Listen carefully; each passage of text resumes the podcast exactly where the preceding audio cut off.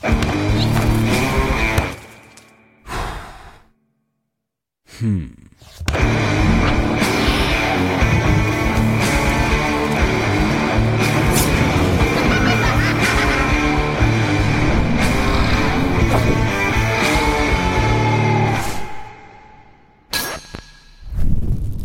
Bill. Hi. Hi, man. How are you? Good. I'm good. How are you? Yeah, awesome. Cool. Awesome. That's, that's a cool T-shirt, man. Oh yeah, it is. It's my friend uh, has a pasta company in Buenos Aires. Oh. And this is his uh, logo. I just like it. Yeah, yeah. It, um, I, I was just wondering, uh, how do they uh, regulate the rights for the Ramones logo? Special Latin process they go through. How are you, man? I'm good. I'm good. How how's been uh, how's Sarajevo treating you? Uh, so far, so good. It's it's very. It's always when I come here. It's it's um very stimulating. Uh, this is just a very deep city. You know. Yeah, yeah, I I always feel it. yeah. But you've been coming here for a long, long time Long now. time. Yeah, long yeah. time. now. I don't know how many people know that. I know that people from the industry, and I think music. in- I mean, music industry know this, but Yeah. I don't know how many like regular folks know it. Right. I don't know how many Faith No More fans actually know. They it. don't know. I, I mean, yeah. I don't even know if my band knows. Seriously, I, would- I never really talked to them about it so much with them. Yeah, really. Yeah. How come? They, you know, sometimes I did a long time ago when I when I came here. I would talk about it, but they, I don't know. Yeah. We just didn't. We didn't go there. Really? Yeah, it's a different kind of relationship we have.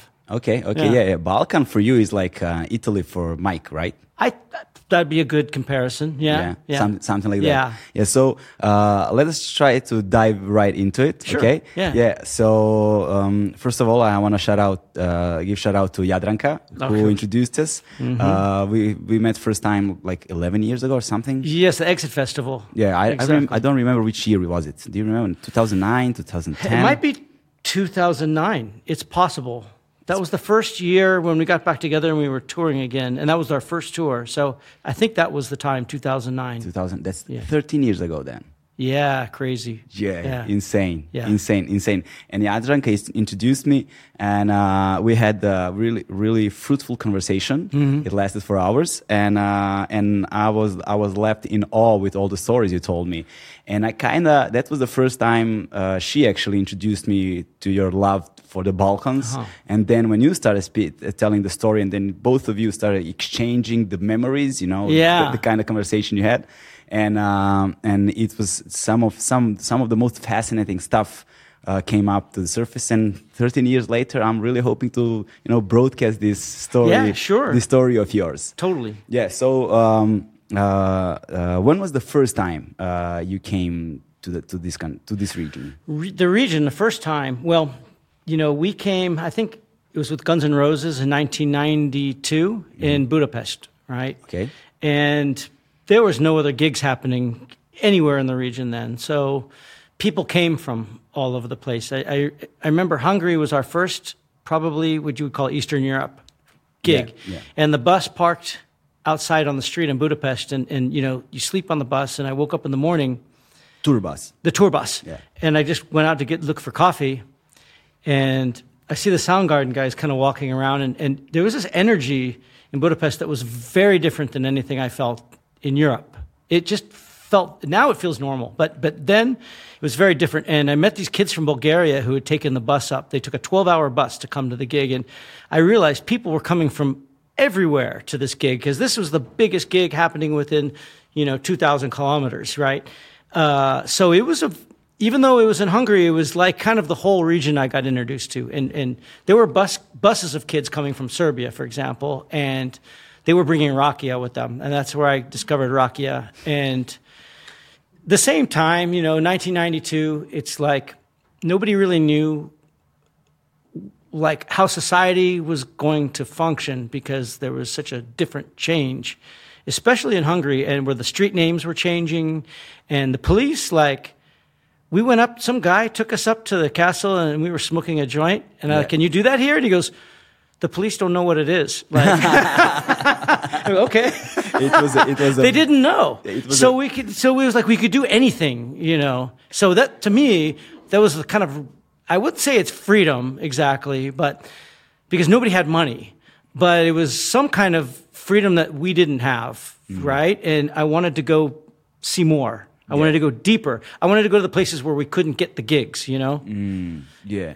So uh, how did you? Um, uh, what was the, who was who was the first people that you made contact with, uh, and when was the first time you came back after that? So, well, the first time we, we, came, we did another gig later in uh, Ljubljana. Okay, And that was another one where people came from all over. And that's when the war, the first war was happening here. Mm. But we were getting like Serbian people, we were getting Croatian people. What was uh, it, what time? 92, 93. Yeah, around the same time. Yeah, yeah, And we had some, we were in like Portorož and we had Yeah, like some days off. So me and my, my bass roadie, we, we rented motorcycles and we drove to Rijeka Oh. and drove all like, we just like, we were in in Rijeka and we decided, look at that mountain over there. Let's drive over this mountain and see what's on the other side. we just started driving. And, and the war was going on, but we were kind of far from where that was. But it was still different, you know, Yeah. a lot of checkpoints and police and stuff. And uh, I met a bunch of people in Ljubljana because people were coming from everywhere. There was a lot of Serbian people there. There were, you know, escaping the army and stuff like that. It was a lot of underground gigs and um, and and also Jadranka was the first person I met in Budapest. So she I did an interview with her and she gave me her number if you ever come, you know, to Belgrade and and so I always was thinking, you know, I'm going to come down there someday. I want to I want to check it out. Yeah, that's such a typical American thing, you know. To, I see this mountain, let's go straight there. no, be- because it's it's- Absolutely. Yeah, because it's it's a kind of a um, different psychological constitution of people Mm-hmm. because it's such a vast such a vast space in the states. Exactly. And and the culture of traveling through it. you know? Absolutely. You know, every- Absolutely. That's an American value. Absolutely. yeah, completely. And uh, when I went to the states for, for the first time, uh, we kind of rented rented the rented a car, and we went through like twenty five different states. Mm. So- And, yeah, and it was a it was a thing, you know. Go to, from hotel to motel, sleep for one night, meet the people. Yeah. You see th- something interesting over there, go over there without kind of you know. Uh, traveling without borders in a way. Yes. Yeah, borderless travel. Let's say it's something like that. Yeah. Right. Yeah, with, with, with complete freedom of whatever is there, it's completely, I don't know, safe or you, without premonition, without thinking about it, I think. Yeah. I, I, that, that's a good way to put it, actually, because yes, the road trip, right? Yeah. In America, you have this thing that we do. It's called a road trip, where you just go on an adventure. Like, I want to drive here, Shh, drive for ten hours, and see what's there. Yeah, yeah, yeah. yeah. Yeah, but, and, and in Europe it's completely different because so many different countries, so many different languages, so many different cultures. Right. Cultures. Yeah. The people are dif- the people differ from village to village. Yeah. And you don't really know what's gonna, you know, what's gonna be behind, behind the corner. And you know, with the troubled history we have, it's kind of a you you first ask around before you go somewhere. we don't yeah we don't have that pro- the problem so much because we don't really have a long history we're so young Yeah. like even if our families come from places like my father's side comes from hungary you know uh, but when they come to america in the older generation they didn't want to tell their kids about this they want to start them fresh you're just american now you know Mm. yeah, yeah, yeah, yeah. it doesn't matter where you came yeah Yeah, yeah, yeah. It makes sense. It makes sense. And uh, just for the reference for the people, because uh, it happened. What, how old were you that, back then? When when we did this when we played in like in in budapest Yeah, ninety-two. Yeah, ninety-two. Ooh, 28 years old 29 That's a factor too. uh, but for, just for the reference, for the people in the region and for the younger generation, uh, for example, Jadranka was one of the biggest influences in my music tastes when I was a young kid Okay. because you know there was not many uh, sources to find out about new music. Right. So the few of them that we had, we cherished them a lot. Right. And um, and at the time in the early '90s, there was like a lot of gangster rap, a lot of hip hop, uh, a lot of alternative local music, so on and so forth. But it was kind of difficult to find about metal music, about heavier music. And uh, Jadranka was one of few. I think she was actually the only VJ at the time. Wow. Uh, she had like a weekly uh, list or an hour list that she would present us uh, with heavier music, mostly metal music and alternative Right. uh, uh, heavy music. And uh, we called her, you know, uh, heavy Jadranka. Yes, Yeah. you know, it was like like a heavy hour that we had all, every Wednesday. I think it was in between 11 a.m. and, and noon. And she was kind of, you know, the go-to person when it comes to the metal music in Serbia at the time. I want to I want to say yeah. So. Um, uh, when you met Jadranka in the Budapest, she gave you contact and She did, and then we came and we played there again. I think, by ourselves around 1993. After the Slovenian gig, we went back to Budapest, and she came to the gig again. And, you know, so I knew her then, right? It's my second time. And, and um, you know, I was asking her about Serbia. What's Belgrade like, you know, because everybody's telling me Belgrade's like the New York City of the Balkans. You have to go there, you know. So around this time, uh, you know, I, I, was thinking about going there. And there was other place I was really curious about was Albania because this was the black hole of Europe. and I have to, I, am being very American. So when I'm talking to you, you know, I, am not saying what I did was smart. I'm just saying from my perspective, it, it was the way for me yeah. to, to, to, learn something, right? Um, and, uh, you know, we grew up with this thing of communism mm. in America. Uh, where when there was an iron curtain, nobody really told us what was on the other side, you know? And I always wondered what was over there and what it was like. Uh, and nobody could tell me. Nobody goes there. Nobody, maybe somebody would go to East Germany and Berlin and tell me, oh, yeah, they didn't, they only had one kind of shoe in the store, you know, shit like that. But I didn't know. Uh, and so when the wall came down and I was in, you know, I had some money, right? Band was kind of successful. And Kinda. it's kind of like the world was open. They knew what my music was. So I kind of had an open book. It was for me to learn, you know, it was a real opportunity, right? Uh, and so it's like, I want to go there. I want to go there. Also at the, at the, at the Guns N' Roses show, uh, you know, because you do press and media, you know, the Hungarian people there, and you have to do all these interviews before you go on stage. And there was two guys that were dressed like, I mean, one looked like she was from like 1880s and another one he looked like a clown. He had like red white and blue shoes and like his hair was like this and he had a tie. And i'm like who are those people? Right? And uh, they're like ah oh, we're from television something in skopje. And i'm like i want to go there so so i want to go to i want to go to macedonia i want to go to serbia i want to go to albania you know especially albania because nobody knew anything they couldn't tell me anything about albania right yeah so, um, so meanwhile in Germany, you know, the wall came down, and, and so everybody had these Trabants, right? Nobody wants these shitty German East German cars, right? Nobody wants them.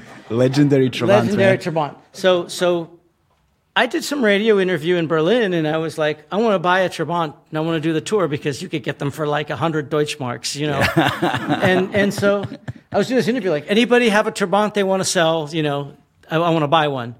And um, the, somebody called in the station taking questions, and, and this guy's like, come outside. And so we went outside. You were in Berlin, right? In Berlin. Yeah. And this guy's like, here's your keys, here's your registration, this is your car. Oh and it was my. like, shit, he just gave me his car. He didn't want it. so like, shit, amazing. So I did the whole Guns N' Roses tour in the Trabant. like I had a car, you know. so you, so it was like this. You had a tour bus. Yeah, yeah but I didn't use the tour bus. Yeah, uh, but you didn't use the tour no, bus. No, no, no. So you were alone in the car. Uh, so I would take a different band member okay. every every you know Drive, every stop, drive. every yeah, stop, yeah, yeah, yeah, yeah, every stop. So, what was what was their reaction to it? You know, it was cool. Yeah, yeah. it was fun, and, and they were like, "You got the fucking Trabant." Yeah, like what? we didn't even know. He gave me the car. He didn't tell me how to start it, how to do the gasoline. He didn't tell me anything. So it took it like it took like maybe an hour to figure out how to even make the car start. Okay, right? Yeah. We didn't I have pictures of it actually. Oh yeah. And Matt Cameron was there from Soundgarden. And we were like, have the hood open and we are like trying to push the car. but then once it was starting, it was like, well, let's go. so what was what was the first impression when you when you started started driving the car? I mean, it's like they're, they're, it's really light, uh, really dangerous. to put it lightly. Super dangerous. Uh, really hard to shift the gears and. Um, you know, on the Autobahn was like insane because yeah. you can only go like maybe 80 kilometers per hour maximum. Yeah. Going, and you're going, Eeh! but if there's like a little road work and you have to put on the brakes, the whole car goes like this.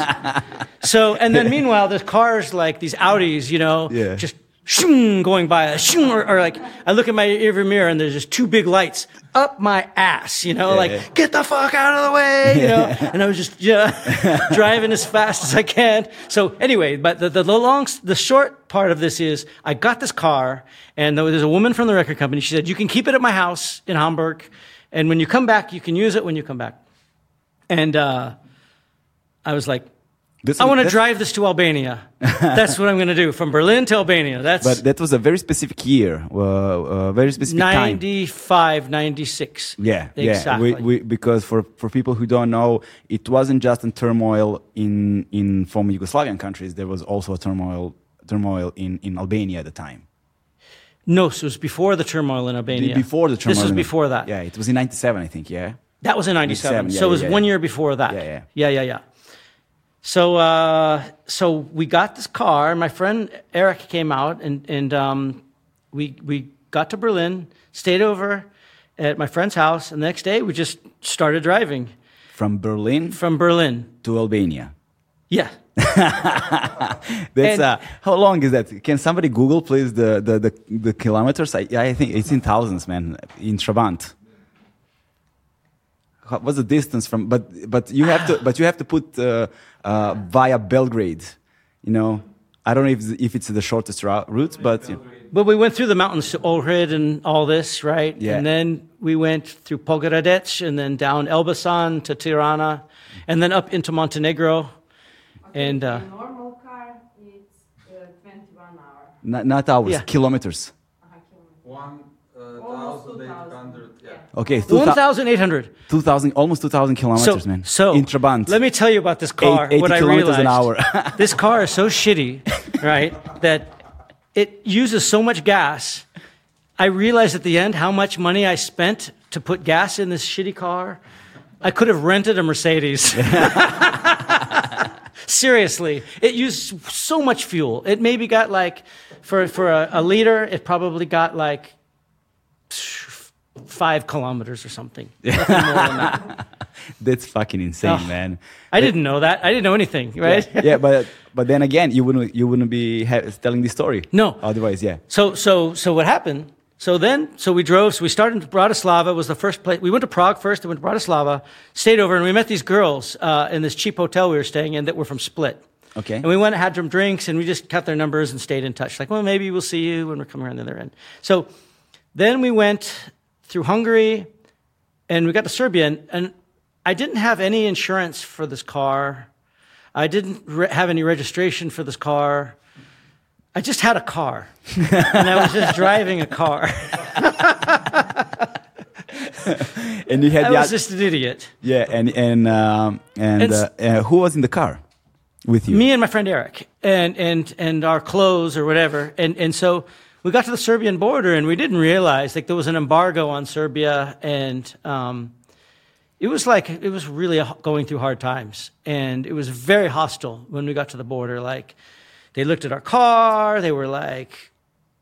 They were, you know, who do you know in Serbia? And I, I showed them Jadranka's phone number, I think. And they I think they called her.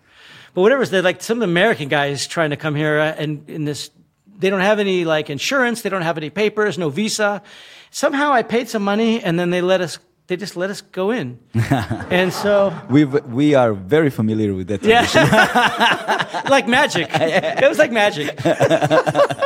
but you you know, but you can imagine the surprise on their faces. You know, some bunch of two American dudes in a Trabant Yeah. coming from Berlin in the middle of this fucking situation. And that was a shitty car even for Serbia or anywhere. They were like, But So- it was a pretty common car in Serbia, though. Maybe. even even, even if it's a shit shit car, it's Yeah. a pretty common car. Okay, okay. Trabant, So it's not unusual. Uh, yeah, Trabant, Wartburg, and Tristach, right? Yeah. Yeah, yeah. Those are, tho- those are, yeah, those three were very common uh, when I was a kid, around around just around that time. Yeah. Mm. Okay, okay. So the first thing I noticed was it was very dark, you know, like, and we were on that road and there was no cars. There was nobody driving. And, uh, What time? Uh, you thought ninety five? Yeah, 96, maybe 96. around um, January, February. You know why? Because of the embargo, because of the sanctions and Yeah. everything. Uh, there was no gas. That You- makes sense. You, couldn't. Ex- act- exactly. Actually, you're right because they were selling gas in bottles. Like yeah, they look like Rakia. Yeah, it was smuggled. yeah, it was smuggled Right? bottles from Romania. I remember that. Yeah. Yes, yes. there I was- got some of this gas. Yeah, yeah, absolutely. and it was a pretty shitty gas too. shitty gas, but it was a shitty car. like the a- car loved it. Yeah. Just Yeah, perfect it for was, it. It was yeah, it was like your mother's milk. Yeah, ma- match made in heaven, Yeah. right? so there was nobody driving in the streets, right? Yeah, so nobody on the streets. And the first we went maybe like two kilometers, police checkpoint. And we were like, whoa, like just in the middle of the road. And they were just like up our ass. Do you have chocolates? Do you have this? Do you have cigarettes? And we're like, no, no, we don't have any of this. Smuggling, And they yeah. went through all of our bags, and then they were like, okay, go ahead. Fine. Wow, that was strange. You know, 10 more minutes, another police checkpoint. We went through so many police checkpoints. I don't know, maybe at least five on the way to Belgrade. And they were all, you know, your tail light, you know, it's not working, you know. Okay, you know, here you go, you know. Yeah. And so by the time we got to Belgrade, I think we crossed the border like 8 o'clock.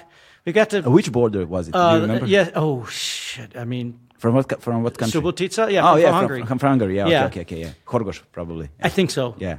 Um, and I didn't know Belgrade, so we just drove to the train station. Like, that's the center, right? Used Went to be- there, we're sitting there, and everything's just kind of like this is kind of like tension in the air. People weren't really outside, and so I walked down the street to this hotel, and I asked if I could use their their telephone, and uh, just called Jadranka. She's like, "Hey, Bill, what's going on?" I go, "I'm in Belgrade." She's like, "What?" and I, she, where are you staying? I don't know. I don't know what we're doing. So she came and she rescued us and she took us out for Chavapi. And, and, and I knew everything was going to be okay because there was like this truck making Chavapi. And it was like by the time two, three o'clock in the morning, and everybody's outside eating and had a beer. And I was like, this is a civilized place. Like, Yeah. it's going to be cool. Yeah. Yeah. And what? How long did you stay in Belgrade? Only like three days or so. Yeah. So what was the experience in those three days? I to know. Uh, it was hard times for Belgrade. It was really hard. Uh, so for me, it blew my mind actually. So uh, we stayed in Novi Belgrade, and she, you know, Jadranka. I was like, it's not so safe, you know. Don't go out there without us, and I, we don't know. So like, okay. So we kind of stayed in there in the area, but I went out a couple times to buy some water, buy some beer, and and I, so Serbia had a really strong impression on me um, because everything was turbo folk, right? Yeah. But I never heard turbo folk before. So it was very exotic for me. As usually is. I was for like, foreigners. whoa, right? Like, what the fuck? Uh, And, uh, and so uh, the I went to the store and it's Yeah. all this yogurt, you know, and burek. And like, fuck, I never had it. I never had it. So Yeah. it was just like, it was like this new world opening up for me, this fat, fascinating world. Yeah. And, uh, and then, you know, the politics were really hard at the time, but that also kind of made a deep impression. Mm. So we went out, we had some drinks, we did stuff like that, went to some clubs. Um, we went to this, uh, you know, flea market Yeah. in Novi Belgrade Mm, and, yeah. and just to check out. Yes, exactly. And then, and bought some gasoline from the guys selling it in their cars and, and shit like that. And, Still uh, in Trabant, right? Exactly. Yeah, yeah, yeah. What was the color of Trabant? There was only one color of Trabant, right? There there was like no two colors, like some gray. No, I think there was like a gray one, the the it's kind of a olive green one, I think, and that's about it. I think of when This this one had a helicopter painted on the side. Oh, it was some weird. This so I got it from some. This was a custom one, guy. right? Absolutely custom. But but it kind of didn't look too cool, like in the places we were going, because it looked more kind of aggressive. And, uh, helicopter is not a good omen kind of the time. punk, you know? Yeah, yeah. Helicopter was not a good omen at the time. No, no, exactly. in, in, in, in the States at the time, you had only like yogurt eating from with a spoon or something like that. It, it wasn't uh, like a thing that you drink. No, yeah, exactly. Yeah, yeah, exactly. yeah. So this was like a different- and very sour yogurt. You know, Yeah, I mean, I liked it, but it just was different. It was a different thing. Yeah, and uh, I want to know the first the first impression uh, from from a music point of view when you heard the turbo folk. What was like? When I first heard it, I liked it. Confession. Yeah, because it was something it was something outside i mean you have to im- imagine america is, is just folk influenced american folk. I just i hate it. I hate it. I like a lot of blues uh, but that's where it stops right there. Yeah. and so this was the exact opposite of that. So for me it was refreshing. Um, however you know I, I, I learned. The more i came here i learned you know. Yeah, um, but it was it was definitely. I mean, hey, there's all this Ottoman influences, right? So I'm in Europe with this Ottoman influence. I never saw this combination for the first time. yeah. The best thing, kind of a the best and the most exotic thing about Belgrade that people who are who are born and raised there, kind of you know, um, it, it often slips out of their mind is like Belgrade was just the, in the middle of two huge empires. There was like an Austro-Hungarian empire that was from the new Belgrade side. Right. You and you cross the bridge, you're on the Turkish Ottoman Empire. Right. So it's two completely different cul- cultures. Yeah, it's like a it's like a bridge in between East and West, Mm. and both both East and West, Eastern and Western influences are equally strong. Mm. You know, and the politics and the propaganda and everything else kind of try to swing it one way or the other, right? So we kind of uh, have this in modern times. We kind of have this. Uh, one-sided opinion about things, you know, heavily polarized. Or the tension between the two. yeah, yeah, the yeah, tension yeah. between the two, but nobody actually celebrates the the the the, the melting pot that it I see. actually is. I see. You know, and just embrace both of those worlds together. Right. You know, and you know, capitalize on it. Mm-hmm. You know, because you have the heritage. It's very unique, things. actually. It's an asset. I think it's an asset. It's an asset. We have like we have uh, uh, two types of letters completely equal. You know, Cyrillic and Latin letters completely equal. Right. You know, so Right. for example, when I was sitting with a friend from Zagreb, uh, I was reading a book. He told me, "There's read one sentence." I have read one sentence. He had close the book. I closed the book, and he asked me, "Was it the Cyrillic letters or Latin letters?" And I had no idea. Interesting. I had no idea. It was completely the same to me. You know, because because we were brought up with the same. Right. You know. Interesting. and- yeah. yeah. And then, please continue. Oh, where did we go?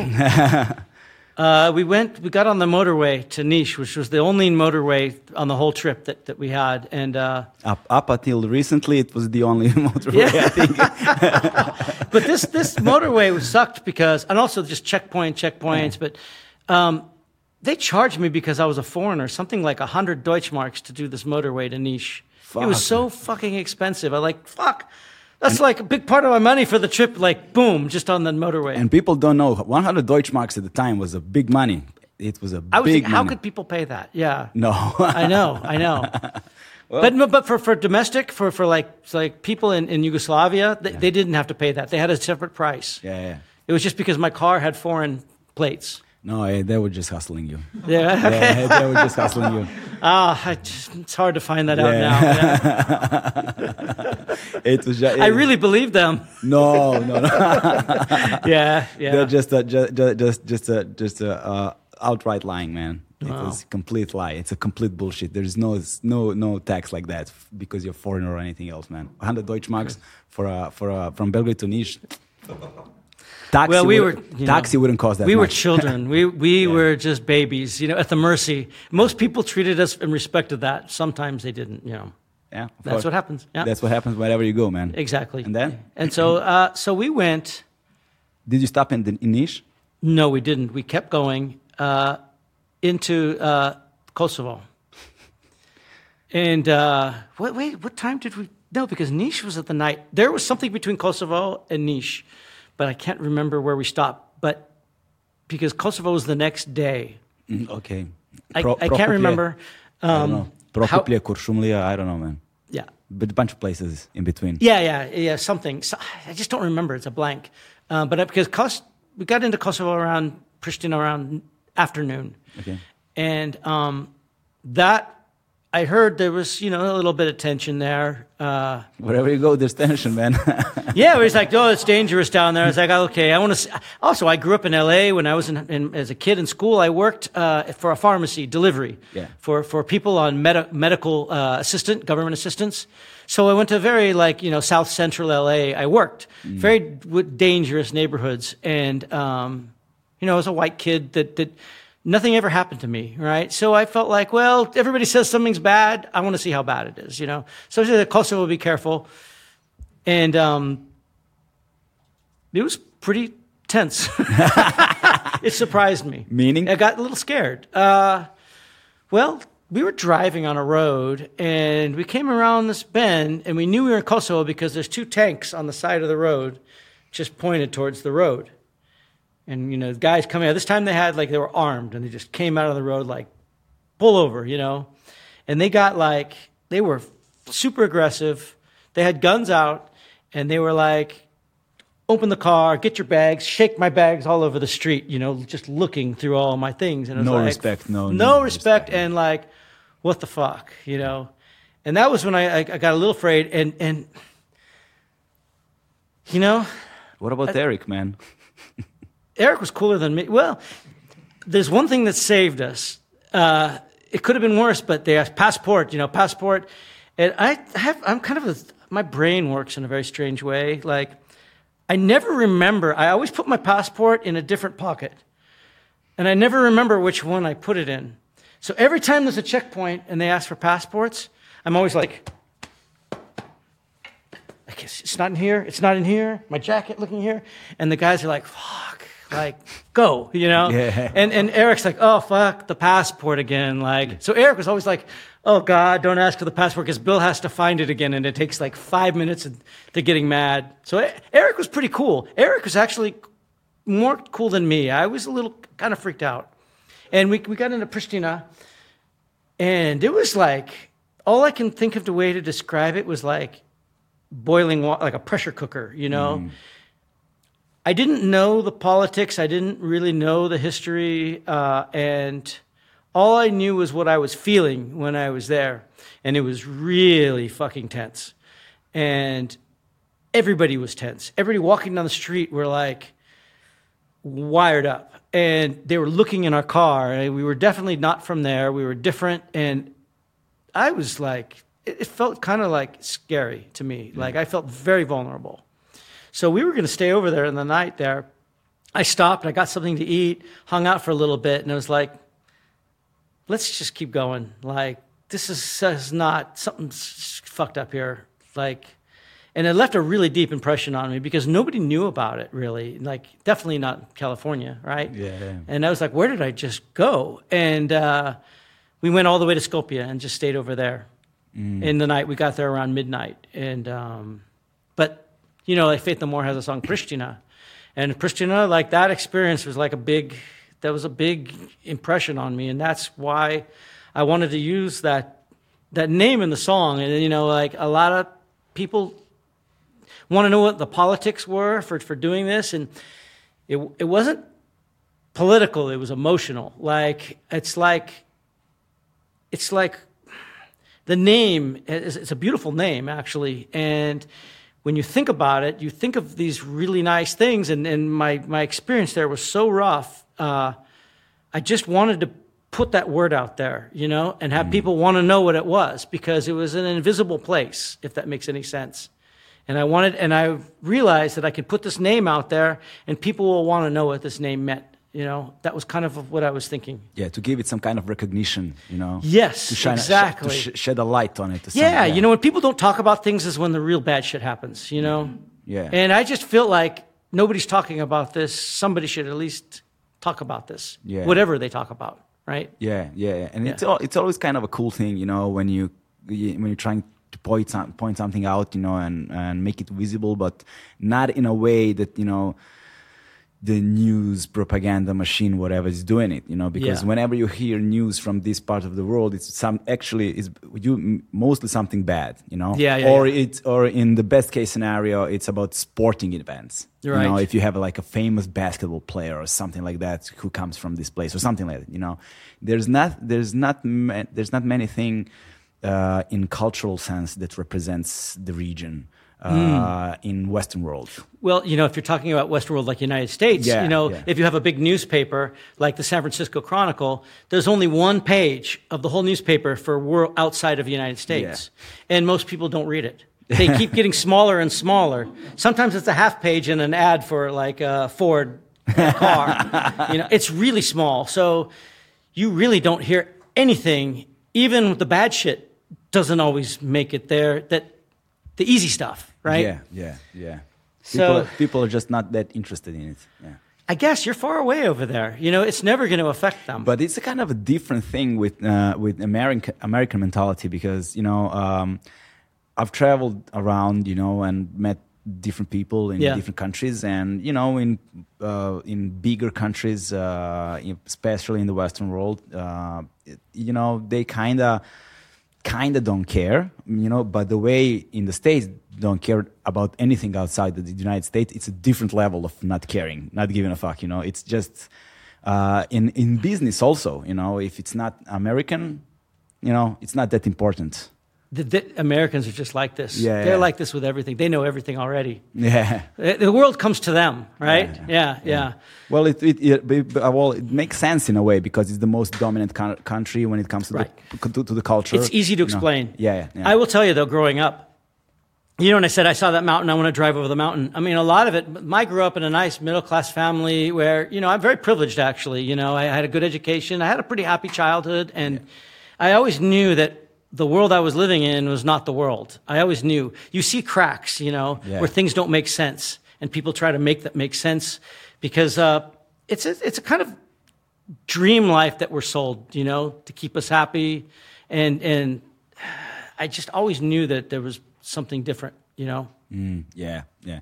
So uh, you kept going from Pristina down yeah, to to Skopje. Skopje. Skopje was interesting. Skopje was like, it was interesting. It was, I mean, we got there late at night and, um, and we're just driving around looking for a place to go to. There was some club, but there was nobody in it playing loud music, and we got a beer. And we drove around. There was one little cafe in the middle called uh, Ili Cafe. Like, and I was like, okay, I know I can get coffee here in the morning. And there was like a like a bar there, and there was one person in there, and it was a transvestite. and I was like, so this place is going to be okay. Yeah. you coming from the It's San Francisco? my- yeah, you know, it's, it's all right. There's some civilization here, you know. Yeah, yeah. you know how I imagine when I, you know, uh, uh, you know how I ima- imagine if if you take Yugoslavia as a, as a big family, Yeah. you know, as a, as a big family, and you have a family reunion, you Yeah. know, a family, I don't know, Christmas dinner or something, you know, Macedonia is like the merriest dude in the family. Oh, wow. Yeah, something like that. Yeah. Actually, it's a great place. Yeah. I, I love it. Um, and uh, I mean, it's like, oh, but I've been going back a lot since, you know, and I have friends there. It's, it's, it's great. But so there, we left from there. I think we stayed there for two days. Mm. And uh, I got a lot of good pictures before they all the statues, so that's kind of cool. Oh yeah. Then do you still have all those pictures? I do. I have them on my phone, actually, a lot You of have them. Oh, Yeah. you're gonna show me later. Actually, I'll, I'll tell you something very interesting about. We'll get to that. I had a really strange experience last night. Um, so, yeah, the great thing with digital photos, right, is like you can keep everything now on your phone, like all of your photos, right? And that's I, I'm realizing as I get older, the most important thing I have in my life is my photos. Actually, that's my that I could lose anything else, but if I lost my photos, I think that would be my biggest problem because just to remember all these things uh, for me, right? And so I have all my photos on my phone, and and um, and uh, now why am I talking about photos? Uh, because of The uh, statues. Yeah. The Anyway, yeah. So so the car had some weird problems with uh, the uh, the tire. Right? it had a flat tire. We were driving out. We're driving towards Tetovo. Okay. And um, so we just saw this vulcanizer, stopped over, and this, these guys were like, like we came from a spaceship. these Americans in this shitty German car with a helicopter on the side, and we're like just pointing to the tire. And they were cool, you know. They, they, they fixed the tire, they didn't charge as much. And then the guy's like, like bad English, where you go? And I go, Albania. And he's like, Albania, like, go in the day, daytime, drive in daytime. No, daytime, he goes, nighttime? Shh. I was like, For the, for those who are just listening, he's uh, uh, sign uh, made a sign with a finger like slitting the throat, right? yeah, yeah, exactly. Like, oh, shit, you Yeah. know, okay, let's fucking go. So we went, went to Ohrid, spent the night in Ohrid, watched some uh, basketball game in a bar. There was like Phoenix Suns were playing on TV. NBA was And a always bunch of old, old men watching NBA, a bunch of old men in Ohrid, and, and it was, you know, it was embargo time, so there was nobody there. It was empty. It was not like a resort, and also it was early, like February, Yeah. yeah. February, and um, so still kind of cold. Um, and then the next, we stayed at some old man's house. Back then, I don't know if you still do this, where you can go to the bus station. There's people say you can stay at my house. Like, do they still have this here? Yeah. I don't know. I don't know. Oh yeah, yeah, yeah, yeah, yeah, yeah. Yeah, with, yeah. with, the, with the sign. like- Exactly. oh, so yeah, that's yeah, where yeah, I always yeah. stayed at those places, you know, and and um, What was those experience like, man? cool people, always cool people. Always cool people, Yeah, huh? yeah, always. Uh, didn't have any bad experiences at all, and um, That's fucking awesome. Yeah, totally. And uh, but I remember like that that one was a big one because the lake was there, and I could see Albania on the other side, little lights. And I remember going to sleep that. Like tomorrow was the, where the adventure begins. You know, like what the fuck am I doing? You know, Yeah. nobody could tell me. Nobody had ever been there, so they couldn't tell me what to expect. Yeah, well, Albania had even uh, even uh, uh, worse reputation than than than us. Uh, Oh, yeah. yeah, because they were for half a century under uh, Enver Hoxha. It was like the North Korea of Europe. Exactly. Yeah, yeah. Exactly. Like a, how, you call it, how, how would you call it? Hermit kingdom, right? Hermit King, exactly. Hermit Kingdom, yeah, yeah. That's right. And that's that's the best advertisement for me that I would ever. Yeah. I want to see the Hermit Kingdom. yeah, yeah. Uh, it was intense. It was. Uh, we drove that morning. We left early, like seven o'clock in the morning, and we just drove to Tirana. But the roads were really bad, really slow. Uh, we drove all the way around the lake to Pogradec, and we we uh, we got to Tirana. We stayed in this. There was only there was a, two places to. One kind of expensive hotel, and the other one was the one that everybody stayed in, Dajti Okay. and uh, that was where there was the bar there was the it was it was the hotel the, the communist like hotel and there was like one telephone that you could use that everybody in the hotel used one phone in the lobby and um, just hung out there for a couple days and that was that was amazing Yeah. that was cool. Uh, a lot of people spoke English. Uh, I mean, you know, there's so much information coming in. You know, that's it's it's kind of hard to describe. This just everything is new, and you know, I'm also thinking like, okay, so this place was sealed off. Like, how did they like? What kind of cars did they drive? You know, how did they fix their cars? You know, like how what kind of coffee is this? Where does it come from? You know, I wanted to know everything, you know. Uh, so my whole time I was walking around just looking like, what is that like? What's this like? And, um, you know, it was uneventful. Went to some clubs, met some people, uh, but, you know, very primitive. I mean, it was like a club, it was like a disco, and probably half the women there were hookers. Yeah. Uh, but they were very nice. they spoke good English. I had great conversations with people, you know. Yeah. Uh, yeah, it was it was cool. They have great coffee in Albania. Yeah, they do. Yeah, they- they- absolutely. yeah. They, They- know. Absolutely. Albania for coffee, always good. Yeah, because they were under um, Italian colony. They were Mm-hmm. Italian colony, so a bunch of Ita- Italian food, in, uh, you know, Italian sweets, uh, Yeah. Italian coffee. Everything is awesome. Yeah, yeah. They have a huge culture of though, like like in Italy, and especially in the south part of Albania. So you went to Tirana. You stayed there for Mm. yeah. a couple of days. And then we went up, you know, to Skodra, uh huh. and then over to uh, well, this is fucked up. We went, we drove through uh, uh, Podgorica, then through like uh, through Budva, all the way. We went, got to Kotor, Okay.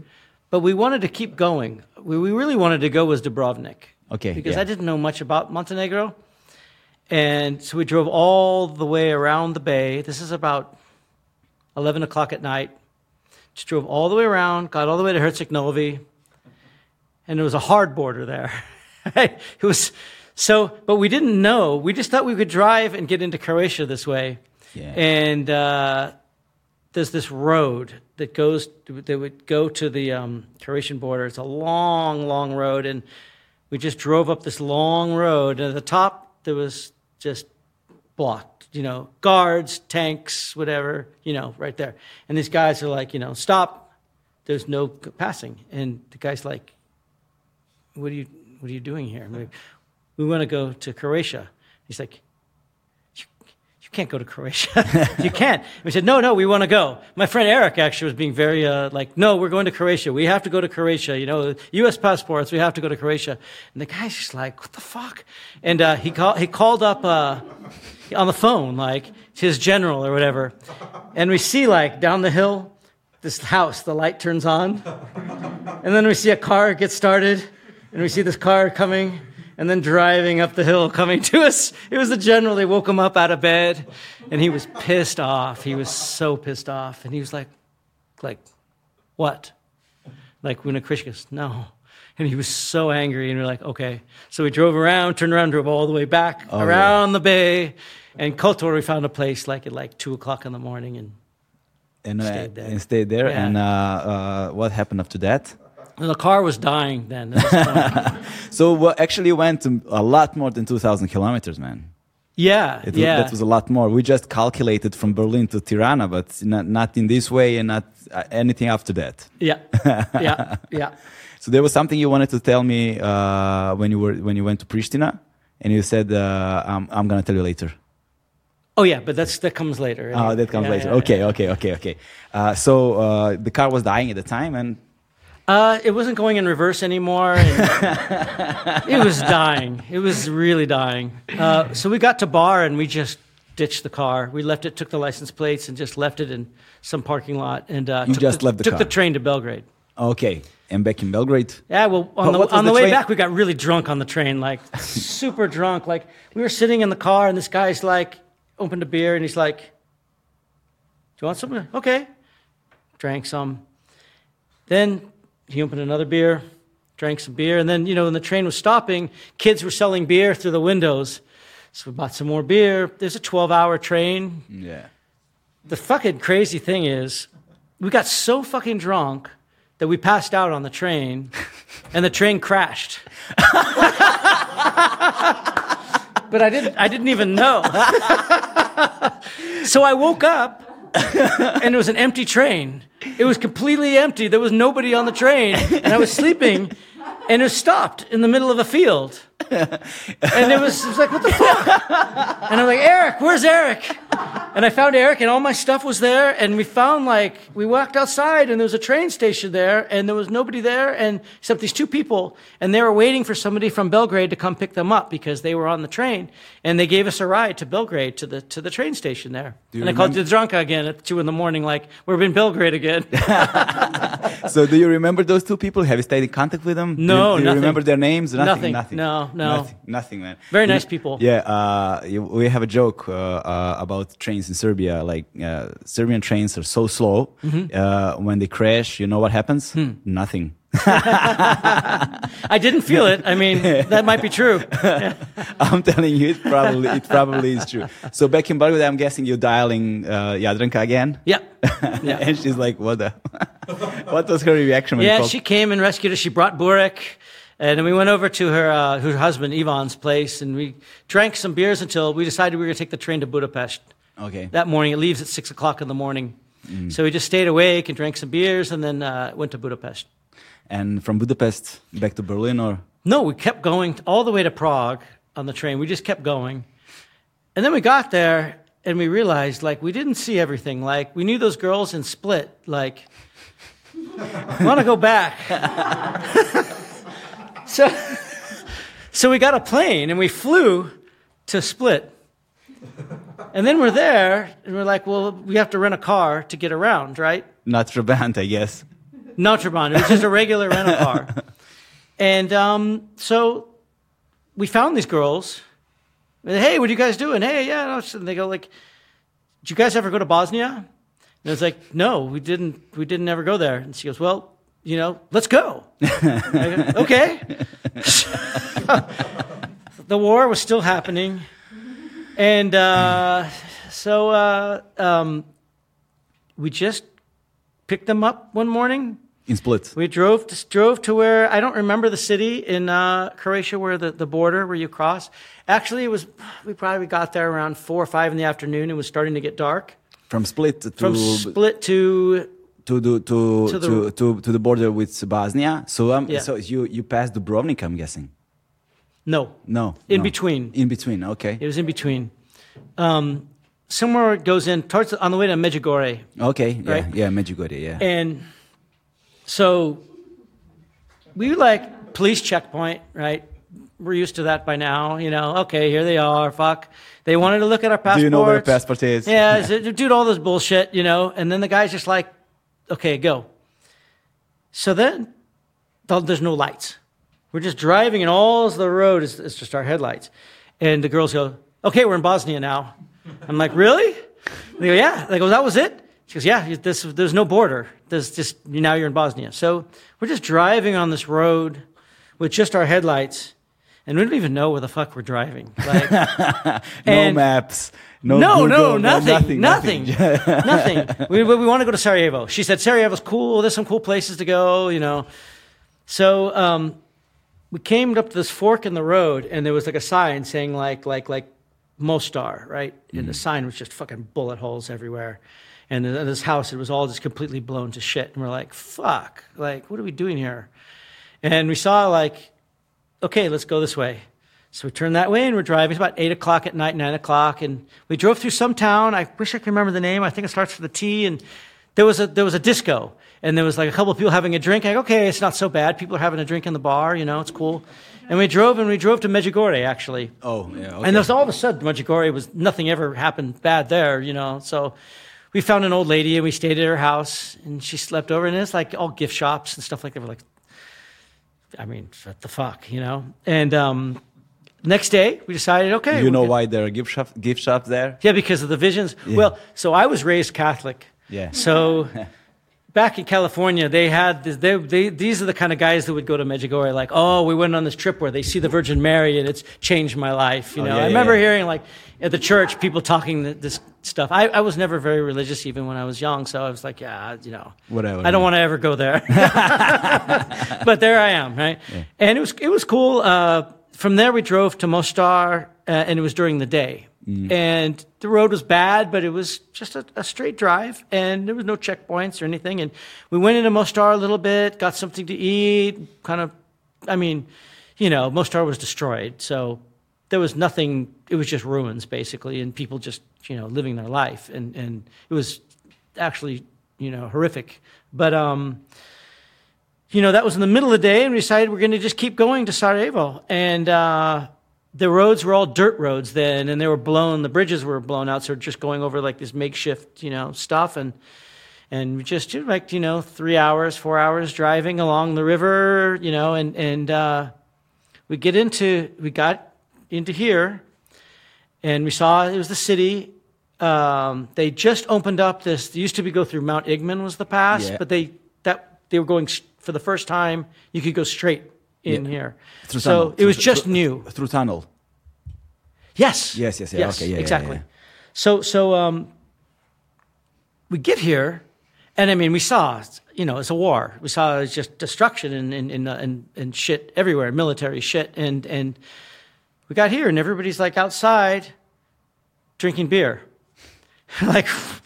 Didn't expect that, you know. and it's like the, the the the bars are open and Yeah. everything's open. And like, so we just pulled our car in and we're like, let's find out where we're going to stay. And we found an old lady we could stay at her house. And um, we dropped off our things. And there was like the town was having this big party. And, and one thing, the guys were dressing up like women.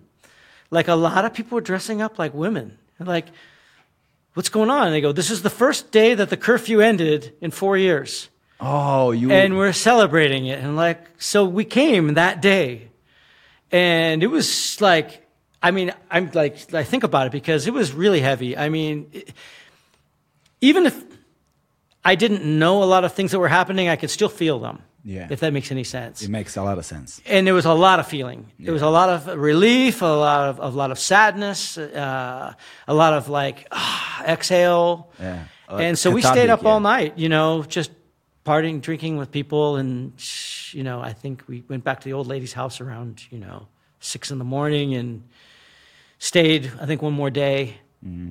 But that was a big deal. And so this goes back to the thing I was saying about my phone. Yeah. Uh, so the next day I just walked around and I took pictures, you know, and just like, I mean, you know, maybe I'm one of these assholes, you know, in a way, like I'm this American guy and I'm just want to see what everything is like, you know. And, but on the other hand, I'm also a person who was never really told the truth about anything. So I also want to know, you know, I want to know, like this war that's on the news that everybody talks about, what is it really? You know, what is it? What is it on, what's the human side? What is, what happens to normal people, you know? And I just wanted to see everything, you know, and, and I took a lot of pictures and, um, well, so what, what brings me back to now is last night, I got, you know, I mean, I've been here a bunch of times since, since then, but it always kind of, you know, that was a very strong impression. And, um, I started just having this weird like flashbacks to then like when we were going from the red carpet to, to the hotel and uh, there's a little red carpet outside the Cineplex. And I was standing there, we're waiting to go to the movie, and uh, I'm looking at the big, you know, tower across the street. It's like really like like kind of a weird feeling, like I've been here before, you know. And I have my camera phone, and I'm looking, and I took a picture from exactly where I was standing. And I looked at my, I found my picture, and I look, and I'm looking at the thing, and I'm standing, I'm looking at the photo, like, fuck, like it's really like exactly there though, you Yeah, know. yeah. Such a trip, you know. And then it happened again, like three hours later from a different place. I'm looking at there, and we're talking, having beer, and I'm looking at this building, and I'm like, shit. The same. I was sitting here too. Yeah. Like, it really freaks me out, actually, a little. Yeah, that's amazing. man. Yeah. That's, I can actually show you the picture so you know I'm not lying. Because I took the new picture too. Yeah. you'll show me. You'll Yeah, show me the yeah, picture yeah, after yeah, the yeah, conversation. Yeah, but just let's keep conversation Yeah, yeah. going because it's a, because it's, a, it's it's an ama- it's an amazing it's an amazing story, man. So uh, you stayed in Sarajevo at the time for like two days. How much? How Yeah, long? two days. Yeah, yeah. And after that, you went back to Split. That was the end, really. Did, took the car back, and that was the end of the trip. Yeah, Yeah. you went back to the states. Back to States. Back to states, and when you when you when you landed, uh, I, I'm guessing in San Francisco, Yeah. right? Yeah. When you, uh, when you landed in, in the city, Mm-hmm. when you landed there, um, did reality uh, of living over there changed somewhat for A you? A lot. Yeah.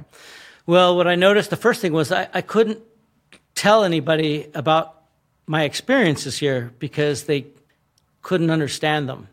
Yeah. Like they, they, they saw everything from their own reference. So when I was trying to explain what I saw, they could only think about it like how they know things. So I, I was talking, like I was I showing people my pictures, and I was saying like, yeah, like in Serbia, the cops stop you every like five miles. They're always doing a checkpoint, and people are like, oh yeah, it sounds like here. I'm like, no, it's not like here. but they couldn't understand and they didn't really want to understand. They already knew everything, you know? Yeah. So I actually haven't talked to too many people about it. This actually is the most I've ever talked about this trip right now. Really? Actually, yeah. Wow. I never really, I've done a couple interviews talking about it very generally, never, never in depth. First time. First time. Yeah. Well, I'm Yeah. honored and I'm very happy that you're doing it because it's an amazing story. Cool. And I think that uh, when you look at over the past decades Yeah. since, since that trip, you know, uh, the place has changed so much. It you has. know, the the circumstances have changed so Yeah. much. You know, we're grappling still with a lot of a lot of you know open wounds, a lot of Absolutely. you know things that we still need to overcome. You know, uh, but a bunch of people are trying, man. You know, Mm. you know, there's a lot of us trying to you know reconnect, Right. And because we still, you know, we we are habiting inhabiting this same cultural domain you know same, same language same same same background you know we share a lot of history together Right. you know beside all of those you know horrible things and uh, and stories like yours are very important actually Right. you know they show the human side of everything I, I think that's really everything else is bullshit, right? yeah yeah Yeah. yeah yeah no, and uh, and it would be really awesome if you could you know put it in a book or something I'm, know? I'm thinking about that. You know, I just want to do it in a way that's not too exploitive and not too not, not too like sensational. You know, I'm not. I'm not. I'm not I'm very worried about about it because uh, because knowing you, I know you, it's not gonna come up come out this Mm-hmm. Okay. way. You know, it's just you're not that kind of a per- Okay, person who's gonna put that kind of an effort. I see. You know, to make right, it like right. I don't it- care about getting sale book sales. Yeah, yeah. and it- so even if you tried, Yeah. you wouldn't be able to do it. I'm, I'm, I'm, Right. I'm thinking, you know, because it also it's not just a story to sell; it has a m- bigger meaning. For Yeah. you, you know, a deeper meaning. You know, there, there's like a message that you're trying to convey. You know, some- something to get across. Mm. Right. You know, it's for people to understand. And you know, if you have something like that in mind, you know, I would just let it go, man. I would just Cool. sit down and just, uh, as, as Hemingway sa- said, there's nothing to writing. All you have to do is sit down at a typewriter and bleed. you know, and I'm thinking that's, and I think that's kind of true, yeah. Cool. Uh, and uh, back in the, you know, back in San Francisco, uh, you know, it's late, it's uh, mid 90s, late 90s, you Right. know. Faith No More is like at, you know, uh, peak at the moment before Yeah. breaking up for the first time. Right. You know, you already had like four albums. and uh, and uh, you were, I'm guessing, thinking about coming back here. Yeah, again? and doing gigs here. Like, my, always been my dream to Faith No More play Albania. I wanted to be the first band to play Albania. Like, Yeah. that was my dream. But I think, um, Who, who, who beat you to, the, Uh, to it? Who beat you to it? what's it called? That band, uh, uh, Boney M. Oh.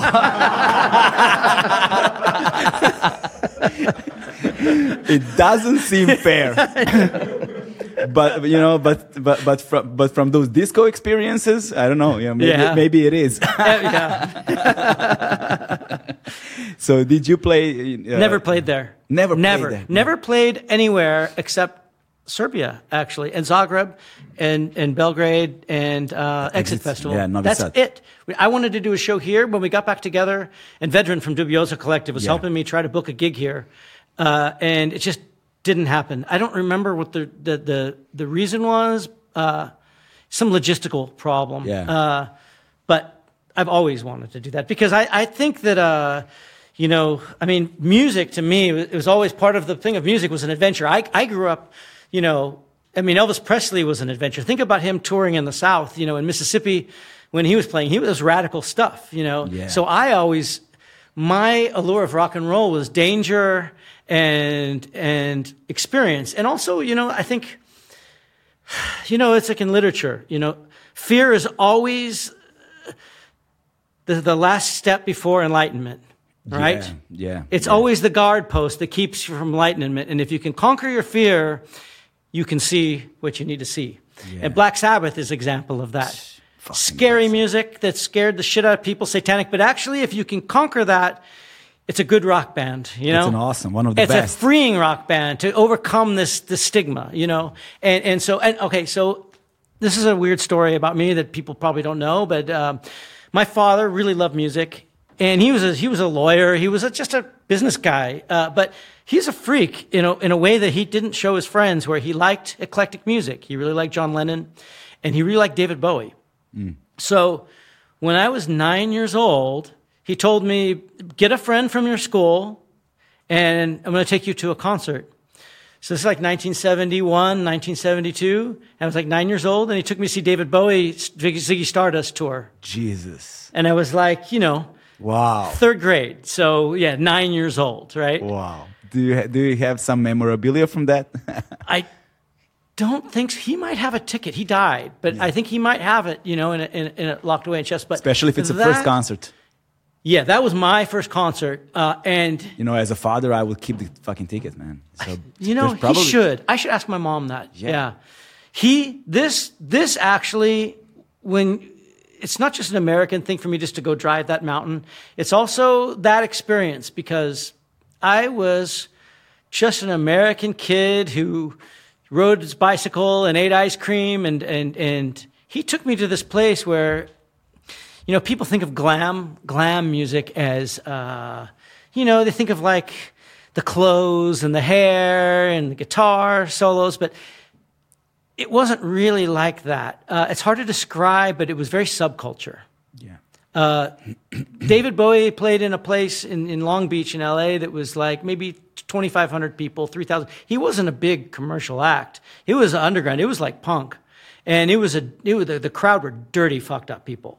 They were dressed like women, a lot of them, and makeup, but fucked up. They were doing drugs like all over the place and smoking weed everywhere. I mean, for me, smoking weed was drugs. I'm nine years old, you know, Yeah. and it was the 70s. So it wasn't even like that normal for the states. We were still had a big conservative, you know, society, and and and that was like that's where I saw the other world for the first time. Not the world I grew up in, not the middle class world that that that was American, that that that, that everything worked, but I saw this kind of fearful other life, you Yeah. know. Fringes of society. And this kind of got me, and his and David Bowie's records, some of them were very dark, actually. John Lennon, Plastic Ono Band, very dark record. That's like that's like Black Flag, actually, for Yeah. that time, you know. And um, I would just listen, you know, to these records and read the lyrics, and like, I mean, it, it actually freaks me out a little bit to think about it, but super dark stuff, you know. And um, yeah, it made a big impact. uh, the, the the the the thing about it is, you know, uh, for example, when they say about you know the glam, you know, like like you close your eyes and listen, you know, close your eyes and listen to the to the genius. Open your eyes and look at the circus. You know? Actually, interesting. yeah, Yeah. in, in a way, you Yeah, know, yeah, not absolutely. literally, not literally in a Yes, way, and you yes. know, and and anybody who's trying to say anything against David Bowie, you know, you just you know, you just know those those people know nothing about music and nothing about art, basically, Yes. Uh, and especially nowadays when it's he's so established, you know. So and um, but at at the time, you know. Um, uh, uh, I want uh, what I actually want to know is uh, so you were thinking about coming back, having a gig in Albania to be Yeah. the first band playing here, Yeah, yeah. to play all over the place, of course, and uh, you were big at the time. But uh, did you came back before uh, you broke up for the first time with the band? Oh, many times. Yeah. Right, yeah, Yeah. So when when was the first time back? I can't. This is where the dates get blurred because I came back a few times. Yeah, yeah. Uh, I came to, back to Belgrade mm, before we broke up again, two or three times. Uh. God, let me think of all the places I went. I didn't come back here to Sarajevo, um, but I did go to Skopje. What I did was mm, maybe two, in 1998, maybe to 1999, when the band already split up, I came and we went through Albania through the parts I didn't see before. I took the bus and went through a little more through Kosovo to see that more and, and into Mitrovica and places like that. 1999 was pretty, you know. Yeah. yeah. So, I don't know. You want to hear another story? Yeah, of course, man. Just as much as you can tell them. Bill's classic second adventure, right? Yeah, Yeah, yeah. yeah, yeah. so, uh, Bill and Eric. yeah, Bill and Eric. Bill but and I wasn't Eric. with Eric. I was with Mark this time. Okay, Uh, Bill and Mark. And um, so we went through and we went through, uh, and Tirana had changed a lot, and Skoder was cool. We got to actually hang out there a little bit, and um, but it was still it, the troubles had just happened. You know, the, the the crisis you were talking about. Yeah, yeah, yeah. So nobody was going outside at night. So all you could hear is dogs barking. Yeah. That was the only sound. J- just a second. Uh, you, uh, remember when? Do you want to smooth the conversation a little bit? what do you mean? Oh, I, I think Uh, so. Do you want to try mine Uh, first? yes, let's try yours Okay, first. yeah, yeah. Okay, so this is uh, this is like I'm, I'm I'm having some bullshit bottle, so I'm gonna hide it a bit. Right. Yeah. Uh, you know you know how you know how we say? No, that's not a bullshit bottle. That's a real bottle. Yeah, that's a real bottle. Yeah, you know how we say here? Hmm. Uh, if it's a bottle of Coca Cola and a cap of Sprite, it's rakia inside, man. And probably a good one. and it looks like the gas they sold in the Yeah. 90s. Yeah.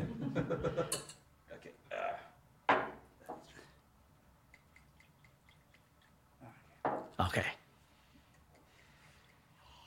Oh yeah. So this is this is supposed to be an apple one. Okay. And you, as a rakia expert, Živeli. Živeli, man. Cheers.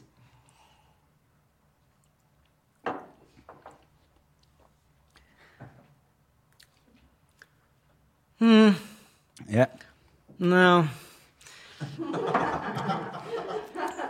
No, it's a little rough for me. it's good. I- It's good, but um, It's young. yes, yes, Yeah. it's a little. It's still angry. A little yeah. angry. Yeah, yeah, Yeah. It's young. It's just you know, just just made. I'll Not- drink not- it. not- I'm not- going to not- drink not, it. Not just not just Yeah. well. It's a good one. yeah, you it's a good one. It is a good one. Yeah, yeah, yeah, yeah. It's it's just young. Yes, it needs to stabilize a little more. yeah, I think. Yeah, yeah, yeah. It needs. Mm. He's from the village called Zakomo, uh, near uh, the city of Rogatica in Bosnia. Oh, cool. Yeah, Cool. my wife's family. is from- Interesting. yeah, my wife's family is from there, and they have a tradition of making rakia. So you know, we make, they make it from all I sorts mean- of all sorts of fruit. fruit when it's a, when it's the fruit you know it you know Yeah, and it- when it has the soul of the fruit still Yeah, you know yeah, yeah, yeah. We'll talk about rakia a little bit Yeah, yeah, later. yeah, yeah, yeah. And you have brought your own rakia. yeah i have Yeah, and we'll talk about it. That's Yeah, gonna yeah, be yeah. a different segment of the conversation. Let's sure. just keep this one rolling. okay man. okay uh, yeah so so we got we wanted to go i don't know why i think we were going back to belgrade but we wanted to go through we were we were staying in pristina and pristina was still very it was pretty tense i mean 1999 something like that like I was taking pictures, you know, like I always do, and they people did not want any fucking, especially in the hotel. They were like, who's taking photos, you know. Yeah. So kept it cool, but we, we took a taxi up to Mitrovica. It didn't it didn't cost anything, and and um, got there, and we were right at the bridge, you know, that crosses over to mm. Kosovska Mitrovica, and we were so we were on the Albanian side the whole time, and uh, I was like, yeah, but I, I want to we want to go over there, but it was heavily fortified, you know, and and just like UN tanks, you know, all that shit, barbed wire, but there was a little walkway, like. Yeah, you want you guys want some? Sorry. Yeah, I, yeah. please, guys. Yeah, continue. And a lot of different soldiers from different. I guess it was it was KFOR, right? Yeah. And and and and so, uh, but what can they do? You know, if we want to cross the bridge, you know, they go like passport. Yeah, here's my passport. I'm American. I want to go over there. You know, and they were like, they can't say no. You know, yeah. it's not their country. You yeah. know. So, so they were American. No, they were like a lot of French, uh, but of French. there was one American guy, and he looked like the like the, the kind of supervisor. Okay, yeah. And he came up to us like they were trying not to get us to go over the bridge, and we go, hey, we saw he had a little American thing. We go, hey man, is this safe to go over there? Because it it de- like the Albanian side was very vibrant. There was a lot of activity, and the Serbian side was like dead. It was like quiet, like two people having a coffee, you know. Yeah. And we're like, is it okay to go over there? And he's like, You guys, you know, I know Serbians, they seem like really nice people, and they are, and I like them, but when they get in a group, they don't like Americans, and you, you don't want to go there. And, and we're like, Well, maybe we'll just go over there and get a coffee or something. He goes, Don't do it, guys. Just why do you want to go there? You know, there's nothing there for you. You know, uh, don't do it. And my friend, to his credit, goes, well, we're gonna go. We're gonna go anyway, you know. And I was like, "Are you sure?" You know, he says like it's pretty dangerous. And like, he's like, "Fuck it, we're, we're going." It's like, okay. So we got there. We walked over the bridge. I mean, all of a sudden we're there. Like it was like in the middle of the bridge. There's this giant courtyard, and there's just us walking around, you know, with our bags, and just people sitting coffee, just kind of, you know, just looking at us, you know, just checking us out. And I was like, this feels really fucking weird here. I, I don't know if I feel comfortable. Let's get something to eat, see if it changes, you know? Yeah. So we're sitting there eating, and I, here I come, get my fucking camera out again. I'm filming, you know, and this uh, KFOR goes by. Tank stops, like, what the fuck are you doing? Why are you fucking taking pictures of us? You know, what the fuck? I'm sorry, sorry, sorry, sorry. And I'm like, you know, this is kind of a bad energy. I don't know. Okay, sorry. This is a bad energy. I don't, I don't, I don't really. Uh, I think we should go back over the bridge. She goes, okay, fine. So we're walking back towards the bridge, and there's like a like a little kiosk where they're selling Serbian like stuff, like flags and like postcards, you know, like fuck the coca, fuck the pizza, this shit, right? Yeah. And, and, and, and a little kid selling all these bootleg CDs, right? So, okay, I'm going to buy a couple things while I'm here, buy some CDs. And, and, and, and um, so the kid, like, gets some rakia out and pours some rakia. And uh, it's fine. Živeli, have a drink. I do that before he does it. So I drank it, and he's like, pour some more in my in my glass. So I go, fuck, I have to drink this now. Again, I'm getting drunk. I don't know what the fuck I'm doing here, you know? Yeah. And so I'm like, fuck you know, I'm starting to kind of lose my my sense uh, my sense of control, like where I can see what's going on. And this guy, I hear this voice behind me, like, "What are you doing here?" And I said, uh, "I have a record label, and I'm looking to hear, to hear some cool Serbian underground music." And he's like, "I will take you there."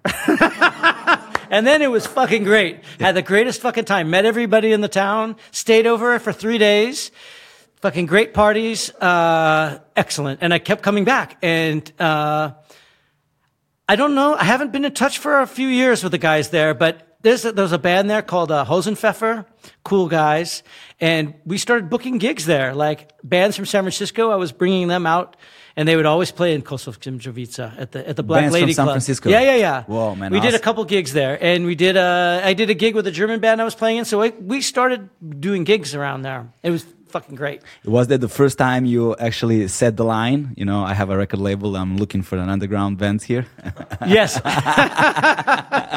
but but I was doing a record label at the time, and I was actually looking for foreign cool stuff. So Yeah. I wasn't lying. Yeah, when I when I met you, actually, the, the first conversation you and me had was about music. Actually, you know, uh, you asked me what kind of music I listen to. You know, I was telling you about some hardcore punk bands that I've been listening to at the time, and then you told me about uh, your your your love for the music in a way, like uh, the number one thing you like to do when you travel around the world with your band is like finding unknown underground you know original stuff you know from from the countries uh, and eventually if you find something uh, interesting you're trying to help them uh, produce the music you know put them out out in the world you know help them promote and you actually done that with a bunch of bands here Yes, and and I would say yes. There's two things that I that I want to do. Uh, one thing is exactly what you described, uh, and it's the fact that you know America. Back to the arrogance that we have, just naturally,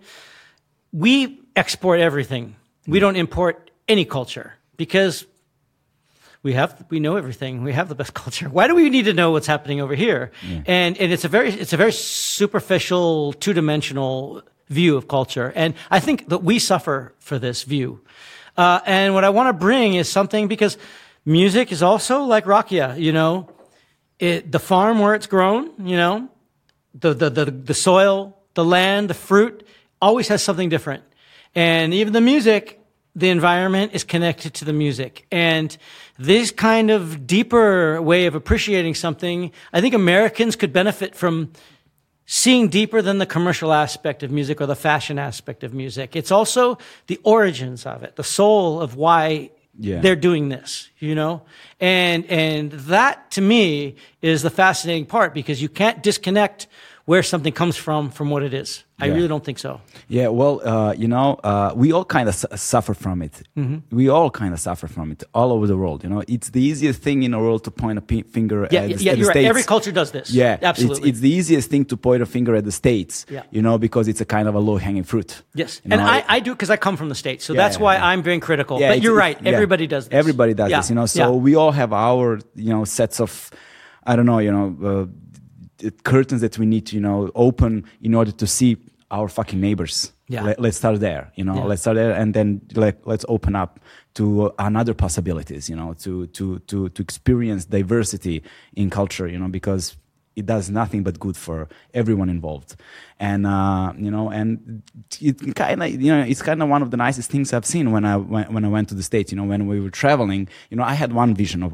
what it's like Right. because I, I went one time in the state in America. I went one one time and I spent two You only months- one time? Only one time, But two months. Two months Yes. in a car. It was a big- driving around. Yeah. You know, and uh, you think you know Americans, you think you know them. You know, and uh, we flew down to the uh, to the O'Hare in Chicago. You know, and we prepared over there with you know a bunch of our communities big over there. you Yeah. know.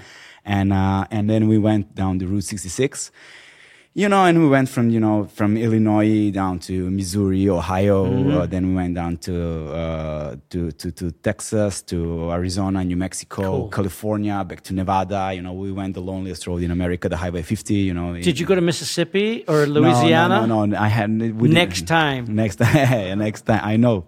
Uh, we we didn't uh, visit the Pacific Northwest. We didn't visit the the the the the, the, the Florida. It's a big visit. fucking place. Yeah, it's. A, I Yeah. know, I know. But we went, you know, from from from Niagara to Cool. to to Tijuana. Wow. And, you know, from uh, you know San Diego, Tijuana. Excellent. And then, and then from from Atlantic to Pacific. You know, we went. We we, we visit a bunch of different Mm-hmm. places. You know, and all of a sudden. You realize how much people differ from state to state. Absolutely. Absolutely. Yeah. You know, it's like in Europe, it's completely different. Absolutely. They just happen to share the same language, Yes. which also kind of Yes. different differ from from from state to state. And once you get reach the south, the most amazing thing in the world, man. I love it. Yeah, I love it. I, uh, I thought that I'm gonna love the New York the best, New York the best, or something like that. you Right. know, something on Yeah, the lines yeah. of that. Yeah, you know. yeah. But once I went to Texas, pff, Texas is awesome. Wait man. till you go to New Orleans. Yeah. Um, So great. so yeah, we all suffer from it. So Yeah, yeah. you know, uh, but it's easier. The easiest thing in the world is to point the finger in the states. So okay, um, uh, and this is the moment where we kind of we can segue in this other second part of the, our, our conversation even though there's i guess i'm guessing a lot of Yeah. stories from traveling but we're gonna touch them Yeah. also Yeah. along the way uh, you started uh, uh, discovering bands in this region Right. and uh, for example let's just name a few i don't know Kultur Shock Yeah. um, um, elvis jackson from slovenia uh, did you, you have you collaborated with Dubioza maybe A little bit, yeah. yeah, yeah, and did you just I released them on my label uh, in the states. Yeah. Yeah, yeah, yeah. Uh, uh, so uh, this journey started in uh, Mitrovica with uh, w- with the guys you drinking rakia with. You know, you said I have a record label and I'm looking for underground bands there. Well, let's see. This was around 1999, so I was already doing the record label then. Yeah, yeah, yeah. Uh, and looking for underground. but I hadn't met Kultur Shock yet. Yes, yeah, so okay. it was before that. Yeah. Yeah, yeah. And uh, what was? Uh, uh, tell us about the Kultur Shock Kultur Shock were interesting. I got a call one night at my house, and um, in San Francisco. yeah, it was Jello Biafra. Yeah. They called me. I go, hey, what's going on? He goes, so I hear you're really into, you know, Eastern European music, and there's a guy in Seattle named Gino, and you should really meet him, you know.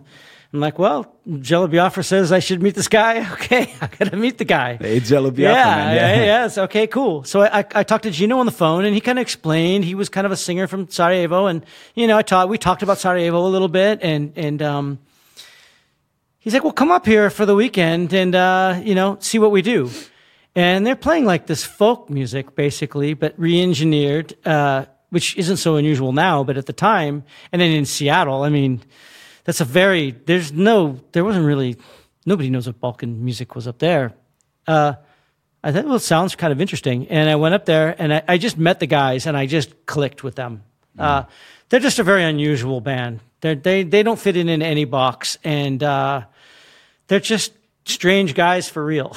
Yeah, yeah. they're not faking it. Yeah, but they but they are also awesome musicians. You know? awesome musicians, yeah. absolutely awesome musicians, and, and absolutely awesome people. When I say strange, I mean that in the best possible way. yeah, yeah. Uh, Gino is one of a kind. Absolutely. And he's a real guy. And, uh, you know, this is kind of like I decided, well, let's try to do something together. You know, so Fuck the INS was the record. And um, they had recorded it already in the, but in this like garden shed in the backyard. yeah. So I said, well, I've got a little studio in my basement in San Francisco. Like, come down, stay at my house for a few days, and let's try to see if we can mix an album, and I'll release it on my label.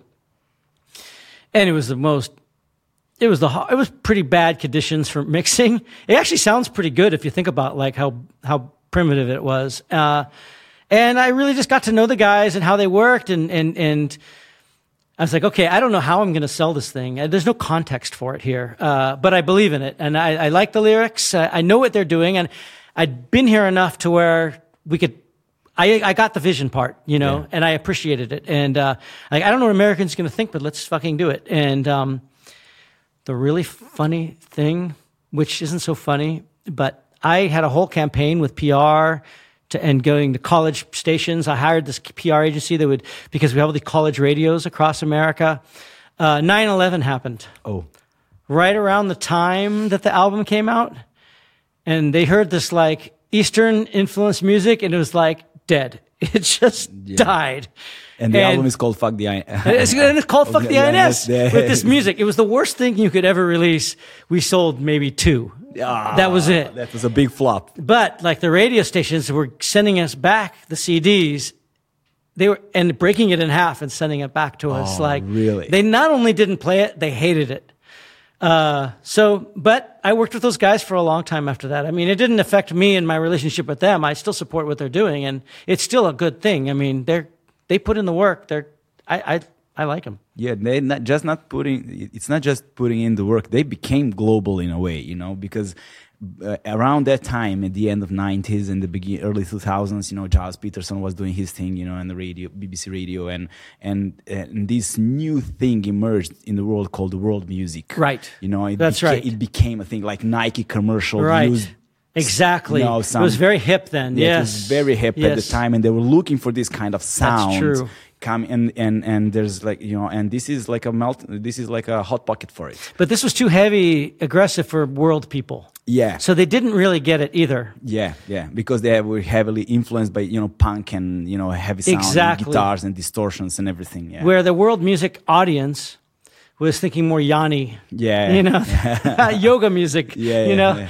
It's, it's like this is, and this is what, this bothers me. This is kind of like with Koolarrow was kind of a world music label, but what people think of a world music, it's like, you know, it's like, um, ethnic. Ethnic in a way like like like perform for me.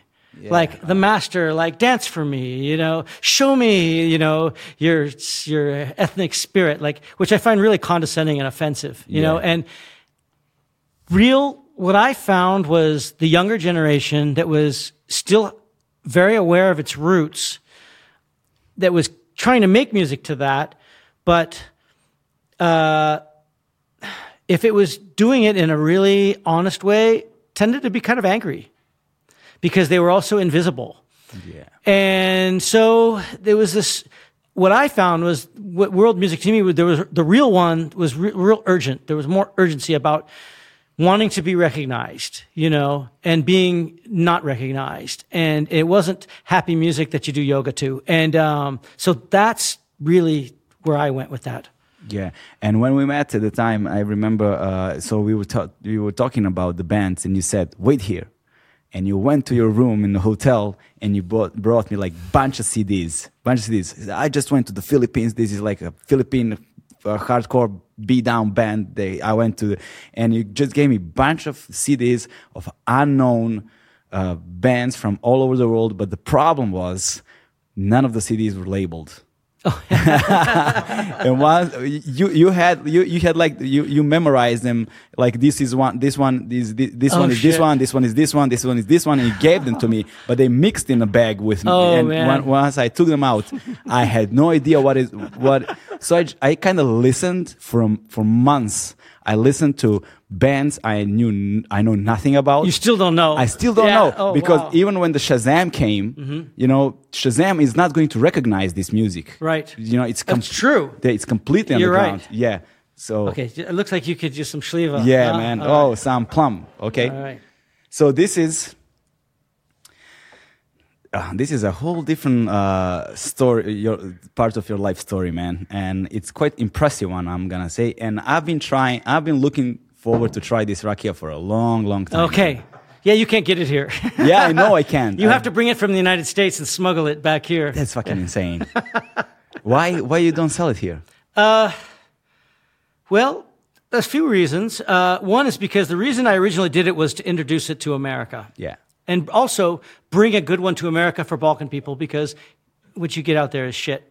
Yeah. And I wanted to bring a good one because I know they would appreciate it. That was my original idea. Yeah, and if you're a foreigner with rak- rakia, you know, you have the, the, the, the bar is set, you know, really high. For sure. Yeah. But they also, nothing tastes like they say, it's not like the rakia I get at home. Yeah. Like for my family. And it's like, well, you know what? I'm going to break these rules. I'm going to bring a family rakia to the United States where you can buy it in a store, Yeah. which is impossible. And it's like, it's not impossible anymore. That's what this is going to be. Yeah, so let's So here- the- salute, man. Živeli. Let's try this plum. Oh, it smells really nice, man.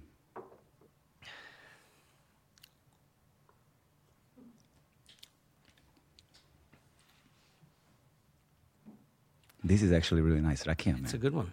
It's a good one. It's Yeah. it has it has a rich taste, you know. It has uh, where do you keep it? Where do we keep it? Uh, where do you ho- hold hold the rakia?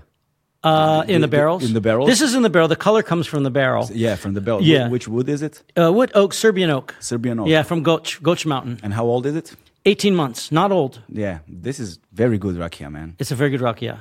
There's no, uh, we don't, don't cheat. This is how a family would make it for their own family. Like if your daughter's getting married, this is how you would make the rakia. How many times distilled?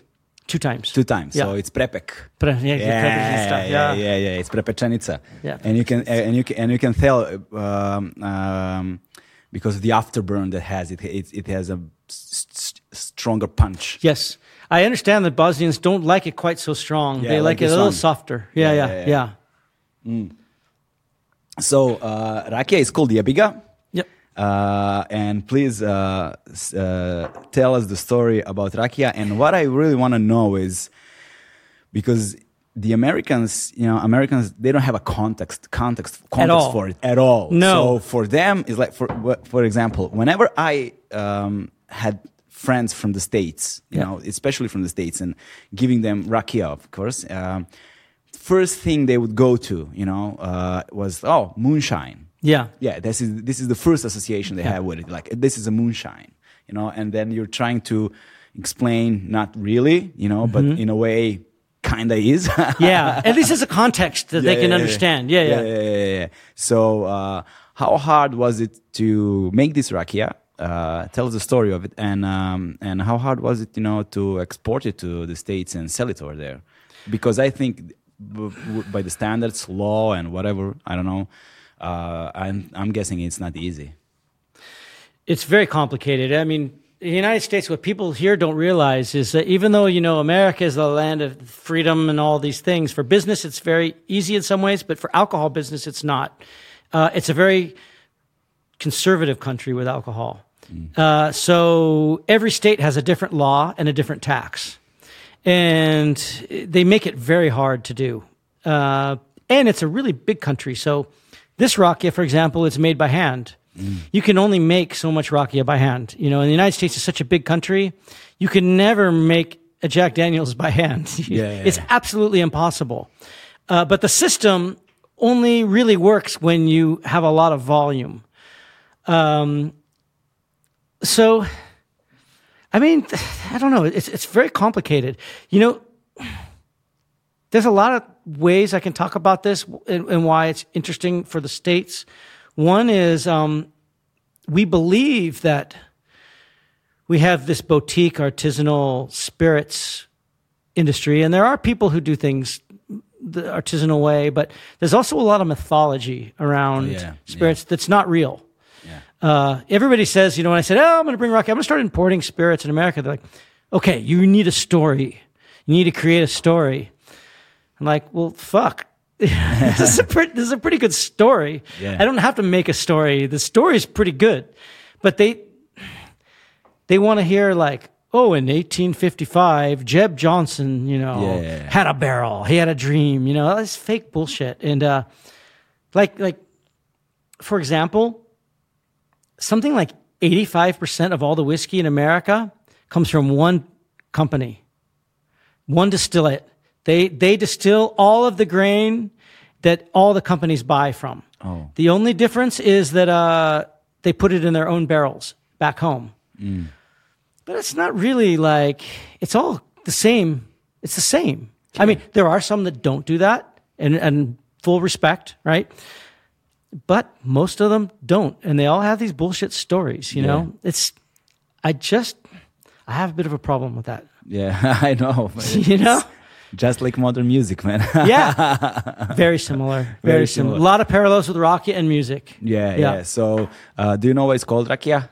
no i don't Yeah, the etymology of it. well all i know about rakia i know that it's an ottoman with rak Ira- arak all of this is alcohol words for alcohol Uh, well, right? uh, raki, uh, I, th- uh, I think uh, you can check it out. Uh, Google it. I don't know, uh, but I think this is the story.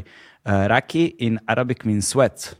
So uh, I didn't know that. Yeah. So uh, because the process of distillation is drip by drip as sweating. Oh.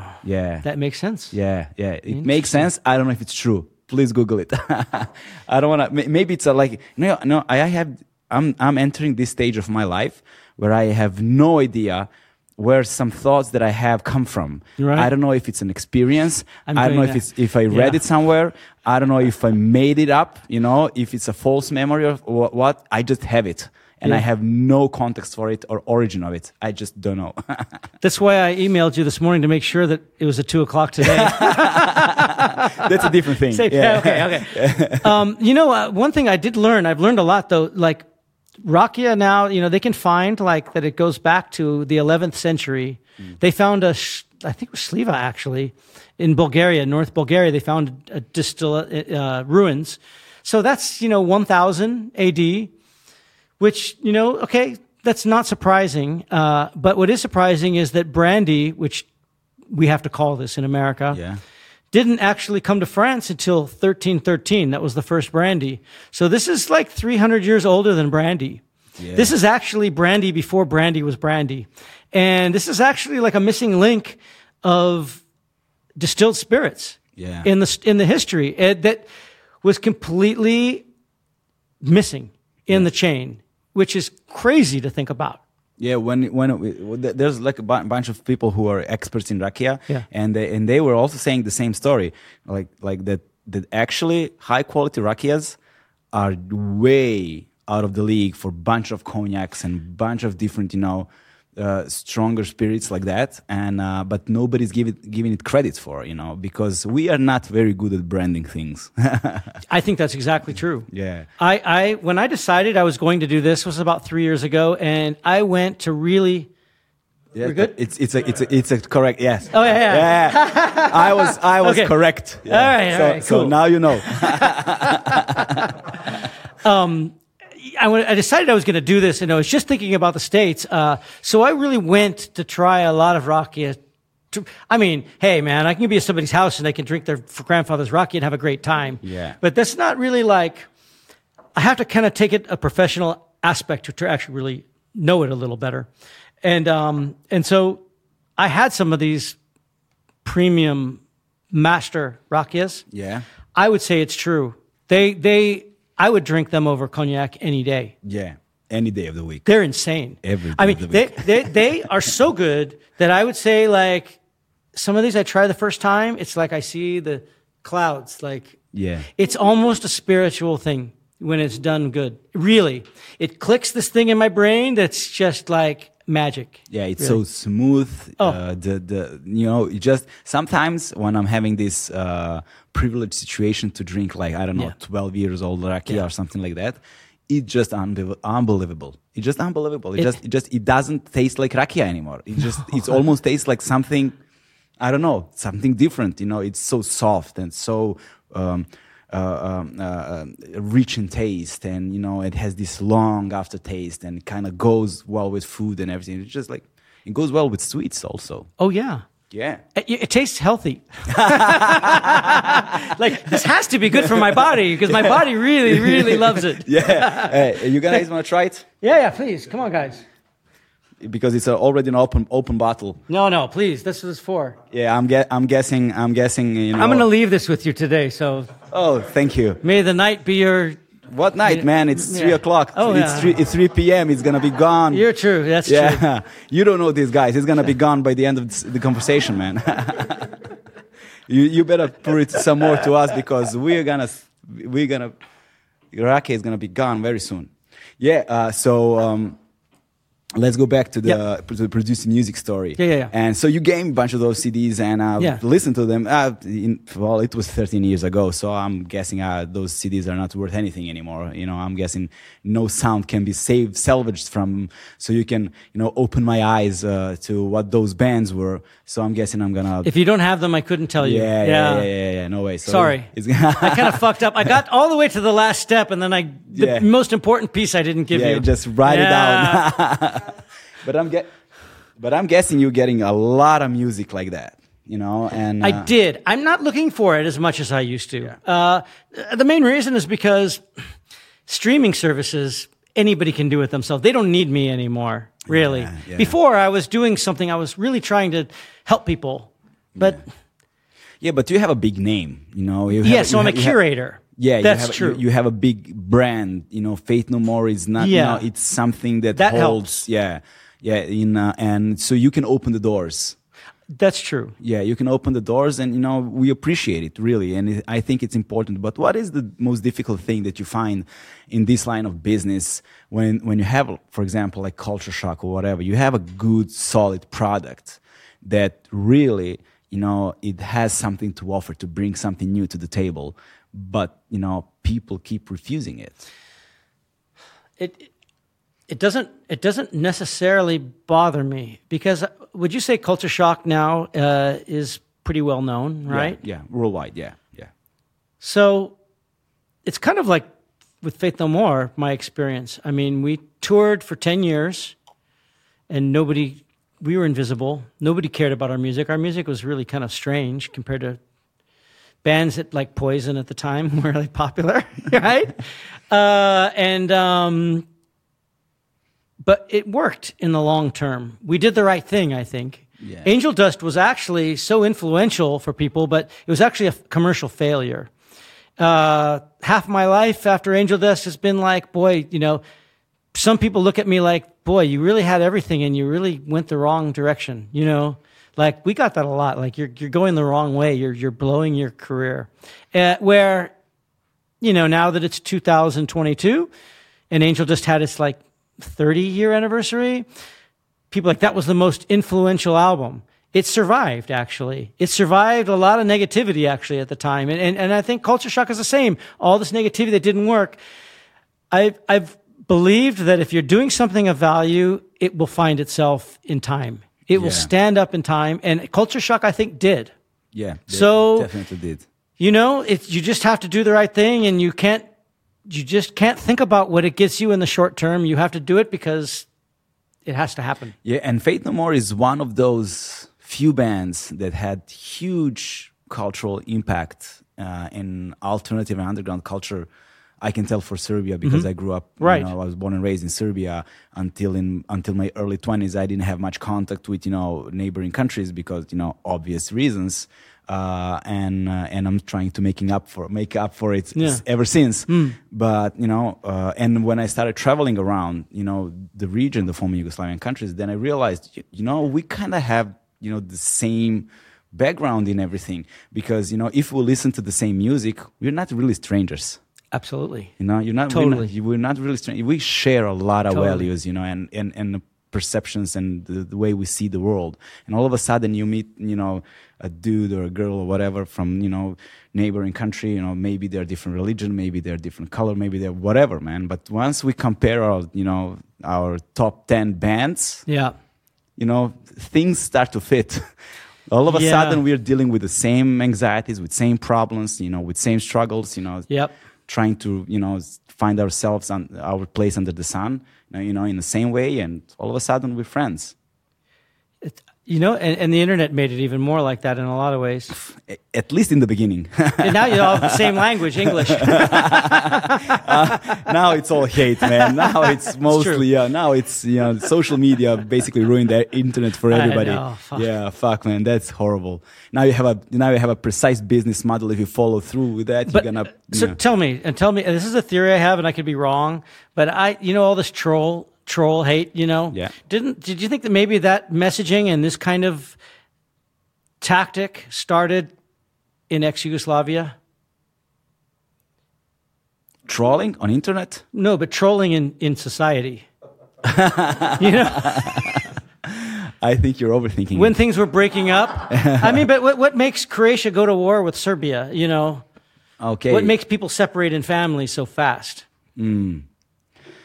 I think it goes way More than that. Yeah, way yeah. Well, I know there's that. a lot of history. Yeah, yeah. No, no, no, no, I'm not talking about the, you know. I think that, that this concept of trolling, in a way, you know, it, I think it's uh, as old as people. Mm-hmm. You know, as old as people in a way. You know, if you look at you know in, tribal cultures, you know, in tribal behavior, we call it tribal Yeah, yeah, behavior yeah. for a reason. you Right, know. right. And you know, I don't know, Freud. Right. Freud called it, you know, the, the narcissism of similarities or whatever. Yeah. You know, so Yeah, yeah, of yeah. small differences. Right, You know, we don't we don't hate uh, somebody from across the world. You know, unless they're Americans. joking, joking, joking. No, no, you know, no, you know, uh, uh, uh, you know, we hate the neighbor. You know, and I think it's a common human thing, unfortunately, all across the world. you Yes, I, I absolutely because of the shared history I'm, and I'm, whatever. I'm just thinking more like in the in the in the online sense, messaging, like specific messaging, The propaganda that make type, you know, propaganda. yeah, yeah, that- I, I like. I believe that a lot of stuff happening in the states now.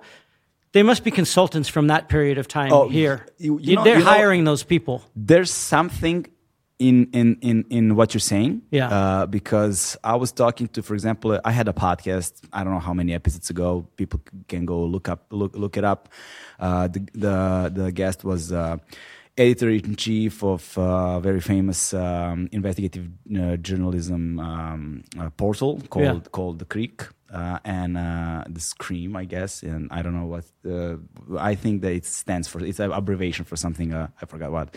And um, and he he told me, and he's um, involved with the network of in, investigative journalists all all over the world. Right. You know? And uh, and he told me this map of how countries are dealing with journalists.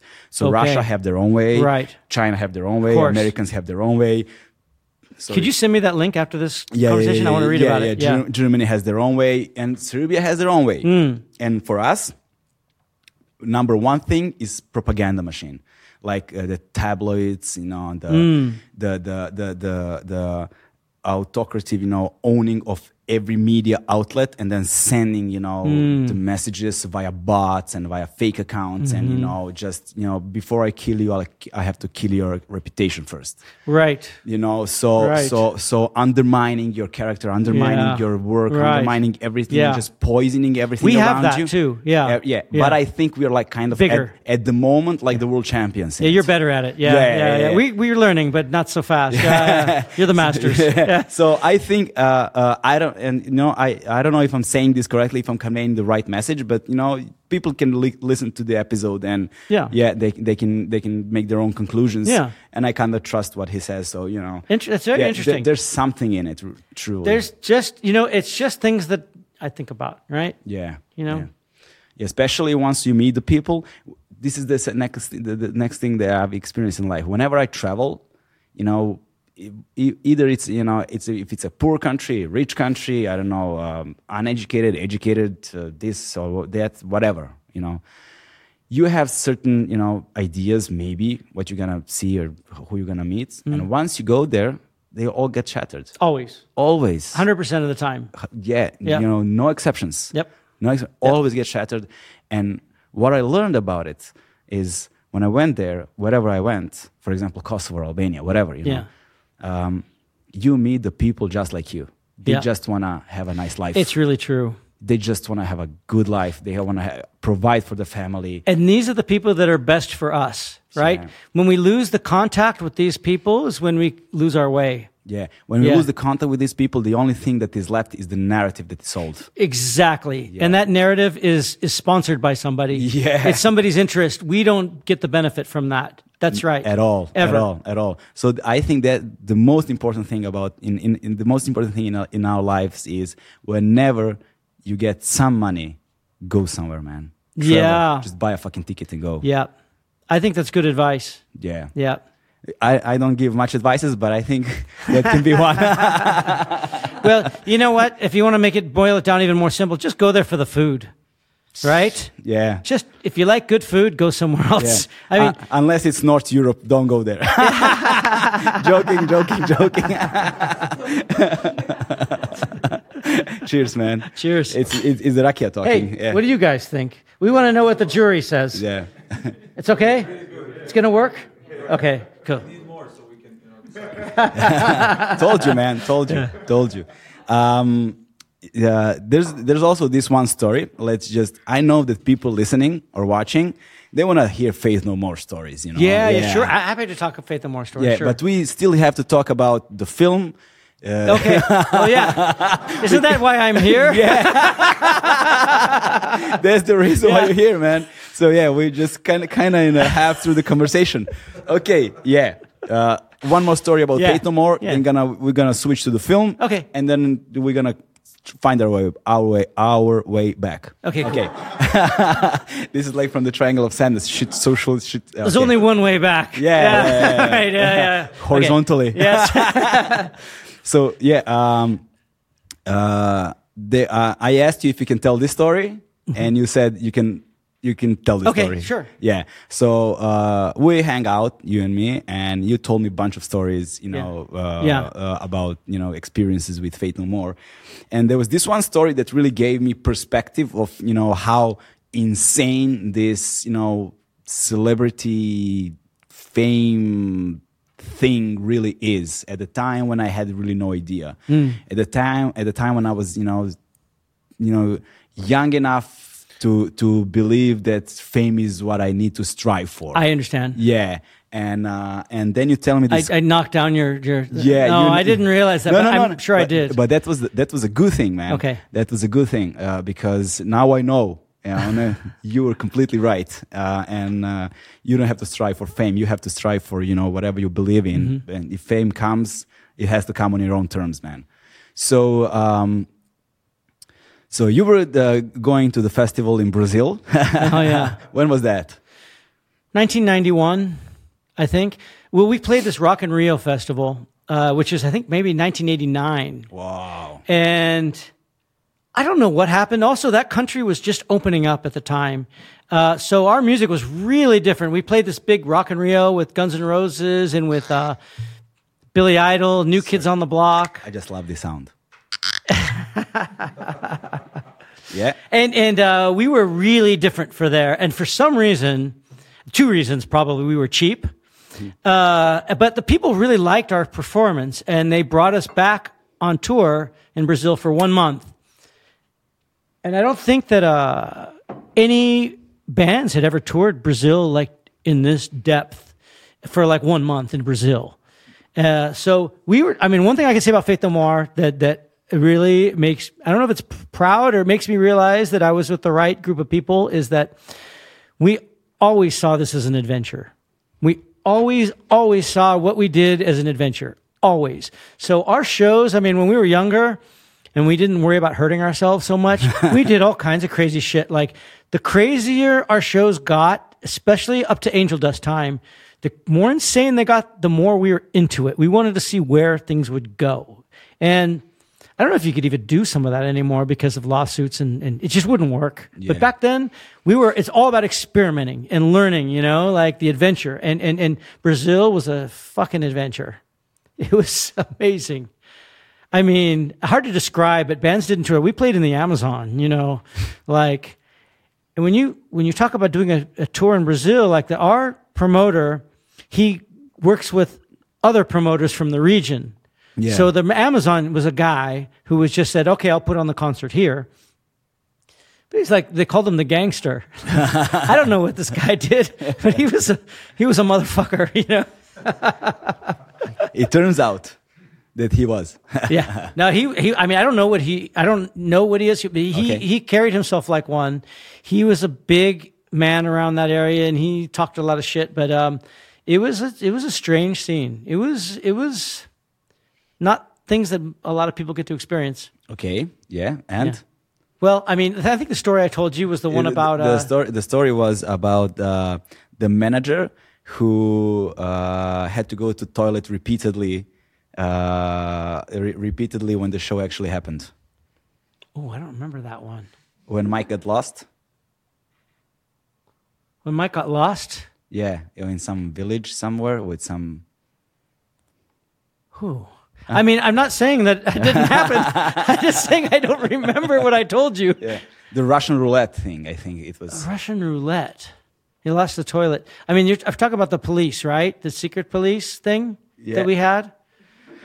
Ah, now we're talking in codes, man. Uh, no, no. Well, okay. So I could tell you the story that I think that I told you, but Okay. I don't remember about the bathroom part. But uh, At the bathroom. Yeah. we okay. well, we played in Sao Paulo, and Okay, yeah. so we had a, a, a woman who was kind of like our, she was our translator, and we had to have security back then. It was pretty dangerous. It's still pretty dangerous in Brazil, uh, and we didn't feel under threat. But the promoter was like, "I'm paying a lot of money to bring you here, so you're going to have a security. You're going to have a translator. Okay, if we have to do it, fine." But we liked our translator; she was cool, Yeah. and she took Mike and Roddy to this police store that was um you could buy only for police members Okay. these special jackets and badges and she said please do not wear this in brazil. Like this is just something i'm doing for you but please.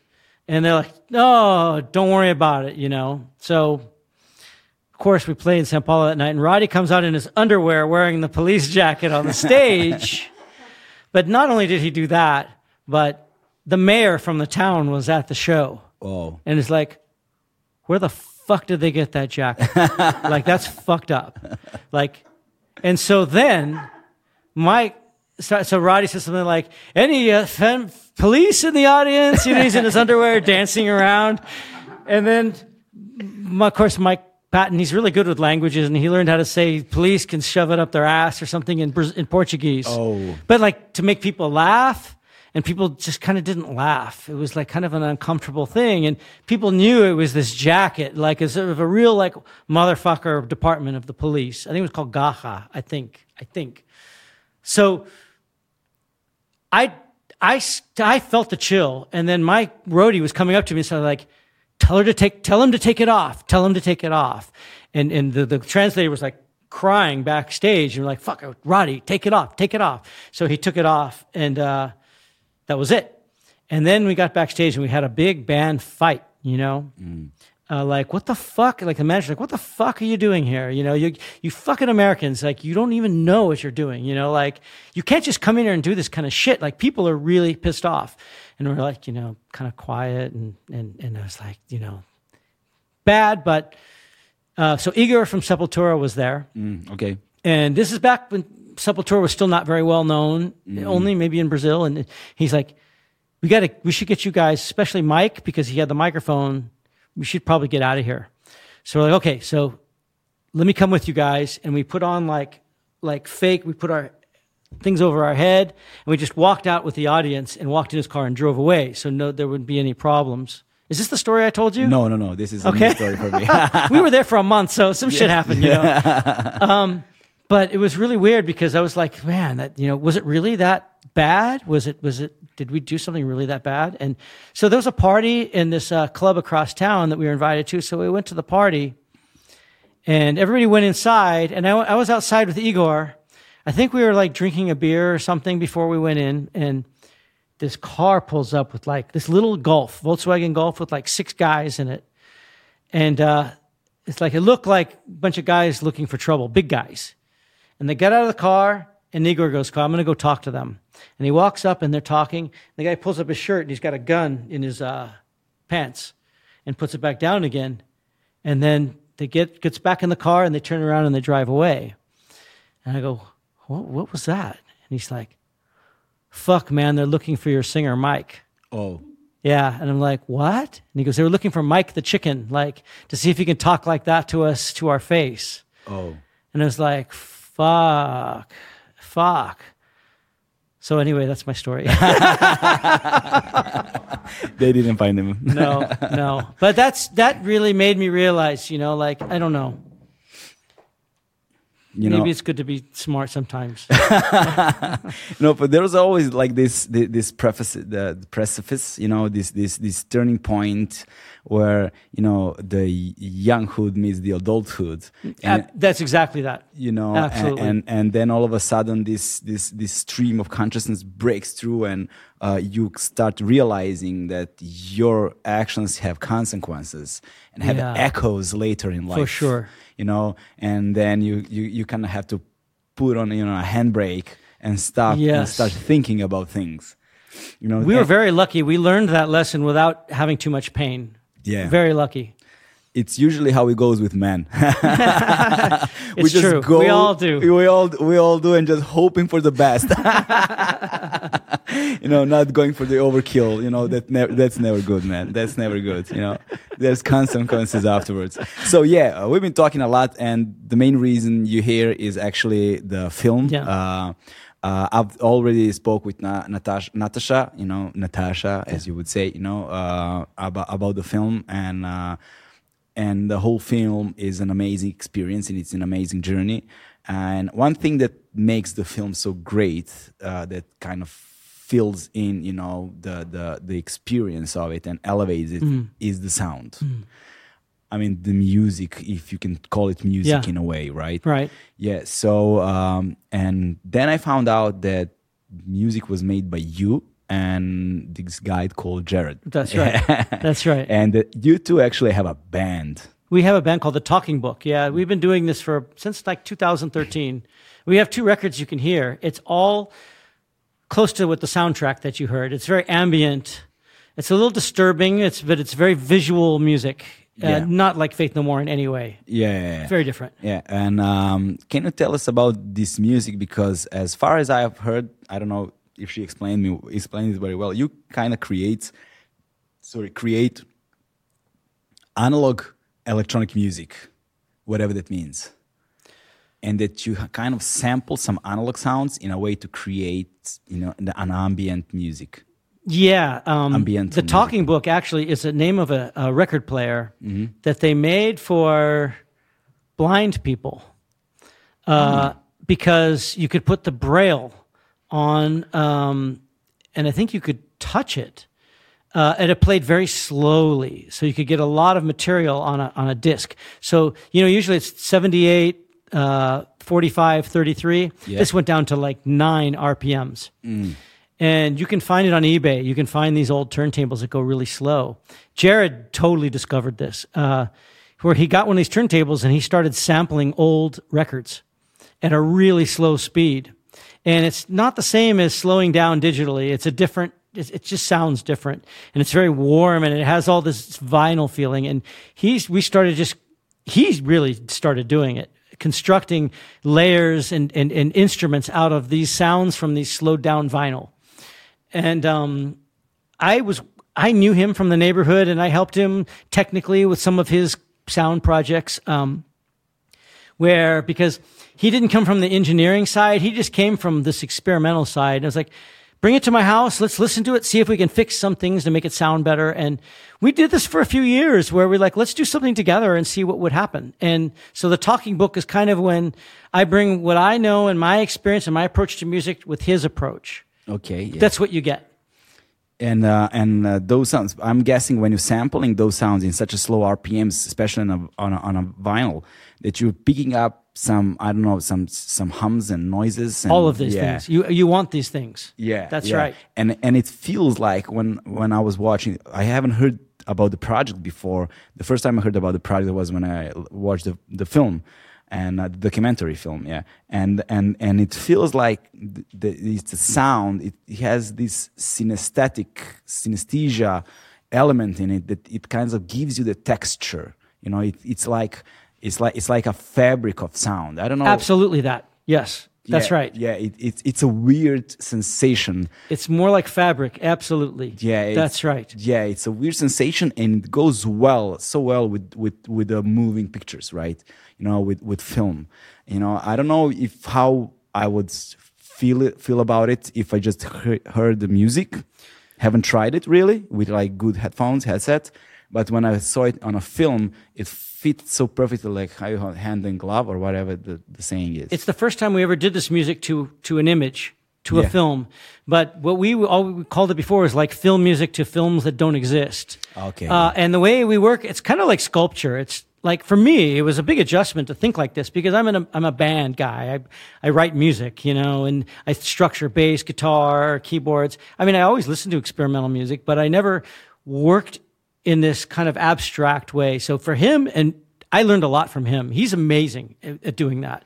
And uh, so we would say, like, how do you know when it's finished? Because it's like working with clay, right? It's always moving. And when you know, when it feels like it's finished, when we started, and with this music, when we started seeing things, when you start seeing scenes with the sound, we're there yeah. right? Yeah. You just start getting this, everything just starts to fit. And, and so the first record, it came pretty quickly and, and we are pretty happy with it. And the second one took about five or six years before we felt like it was finished. It was agonizing. It was painful. Uh, but it wasn't right. It wasn't that thing. And then we finally got there. Thank fucking God. And I'm, I'm happy with what we got. But, um, then the film came and it was a reverse approach. Like, here's the pictures, give us some sounds to go with the pictures. And it was, I mean, for Jared, it was very easy. He's like, it's like his element, you know, he's like a fish in the water. He's, he's just like, he can just speak. For me, I'd never done it before, and it, I had a little bit of agonizing, like this, that, that, and it took me for a while just to shut my mind off and just go full intuition. Oh yeah. I was surprised how hard it was for me to do that, but I'm I did it, I think, and I'm happy that I did it. I Natasha's happy with what we gave her. It's her vision, right? It's her story. So if she's happy and it fits with her, then we did it. Yeah, but this this thing that you've mentioned, we're just straying away from the from the conversation. But I think it's the whole it's everything is conversation. So um, this full intuition that you found that it's hard to achieve actually. Uh, those kind of experiences actually tells us a lot more about us than just the project that we're working on. Uh-huh. You know, it, all of a sudden you're finding the borders within yourself. you know, Absolutely. that you need to break Yes. free out of. That's right. You know, and you emerge out of those experiences as a kind of a changed person. Absolutely. Yeah, and That's it- right. And, and and this journey for me is an amazing experience, and this is exactly the reason why I love music. Mm-hmm. You know, whenever I'm talking to people who don't really understand what music is all about, I'm saying the music changes the world every day. Yeah. In every moment, Yeah. I have concerts that I've been to that I went out, walked away from as a changed person. Right. You know, that Sure. actually happens to me. That actually happens to, you know, large groups of people after one single concert. I had the records that I've listened to that changed me once I've listened to them. Mm-hmm. You know, and those experimental things, you know, they kind of, you know, they, they test your limits in a way. And this is this uncomfortable feeling that you get that you gonna kind of either walk away from or find a way to make them comfortable for you. And once they become comfortable, that's the that's the sign, the signal to move to the next thing. So with our thing, um, if I can think of a way to put it, I'm a kind of ADHD kind of person.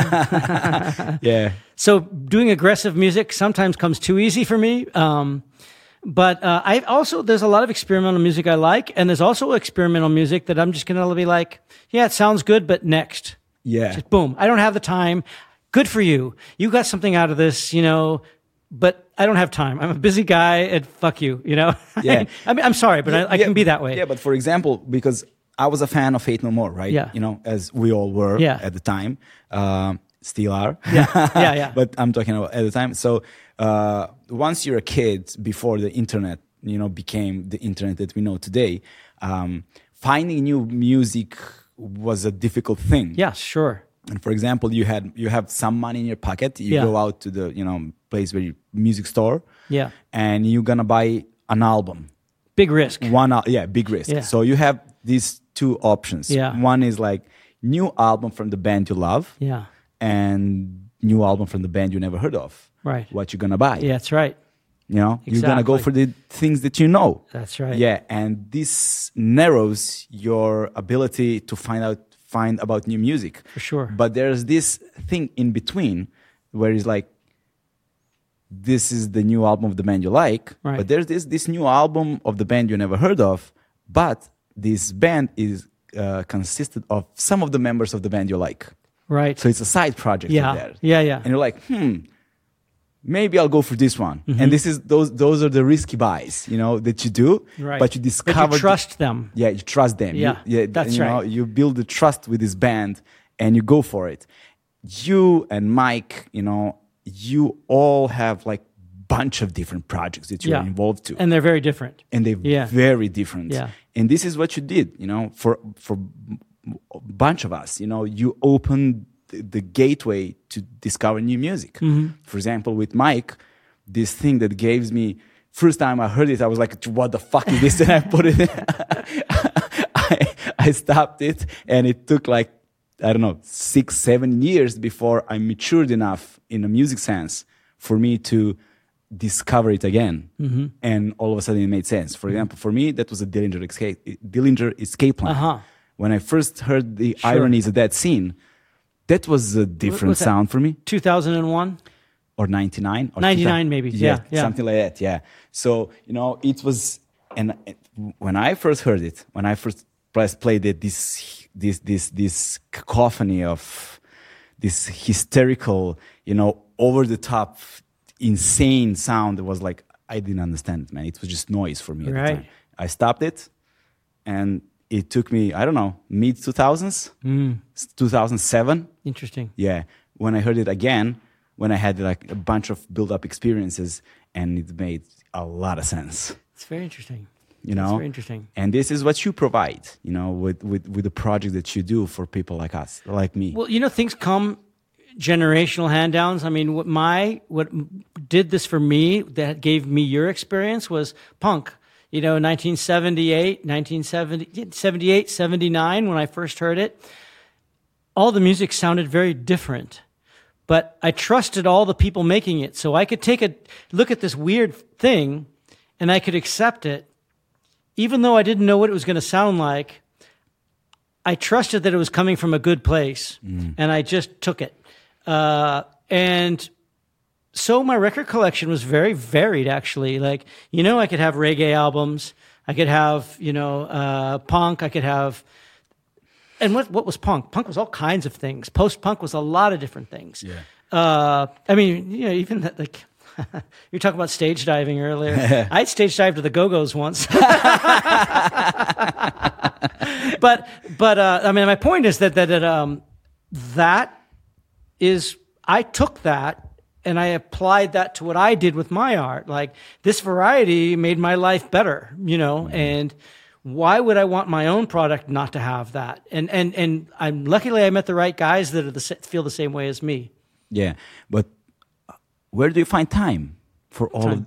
well time for all of this stuff for the film project for the this music project for the music production in a way for working with this band to do with your own See, I feel like I don't do anything. I feel really lazy. I feel like I spend too much time sitting around bullshitting. Actually, like I could do more. That's how I feel.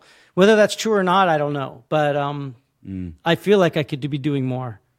Okay, yeah, Yeah. that's I don't know. I mean, that's that, that's that's an impressive thing in so many different ways. Because, for example, when you you know you were coming to this interview, I was like, "This is my peak performance, man." You know, this is you know this is this is the, you know I had this moment like you had in Sarajevo taking the pictures. Oh, yeah. You know when because I remember when I met you. Oh, yeah. You know, 13 years ago. Yeah. You know, it was a it was a big thing for me. You know, I was a kid in Mm. Right. a way, you know, uh, uh, uh, and I was all about music, you know, Mm-hmm. without talent to actually create music, but I was doing all sorts of things in order to be around music, you know, organizing concerts, Mm-hmm. Right. working with bands, writing about music, you know, uh, working in music television, you working in radio stations, working with record labels. I was actually doing anything, everything but creating music because I have zero talent to- do it. But I have some kind of bullshit detector in my mind, so I Mm-hmm. Can listen to the music, Yeah. but I can really cannot really create music. Right. And whole, all of my dynamic, my life dynamic, uh, emerged from this. I don't know. Um, um, this this misery of not being able to be a musician. Really? Really? yeah. Everything else You have a com- secret frustration. yeah, I, everything else is a compensation for me, you know. Yeah. compensating for the lack of talent, you know? Right. You know, and I kind of find kind of find the comfort in it, you Yeah. know. And meeting people like you is a was a big thing for me, especially at that at, Right. that at that time, you know. And now, 13 years later, here we are sitting here, you know.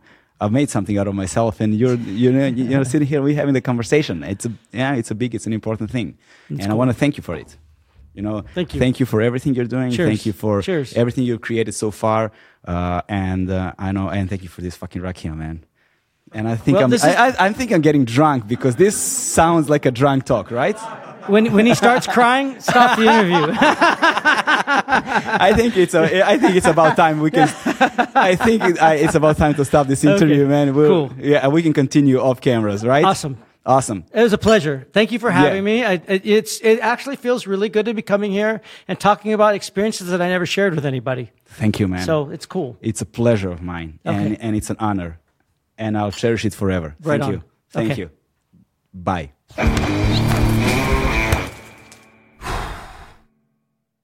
Hmm.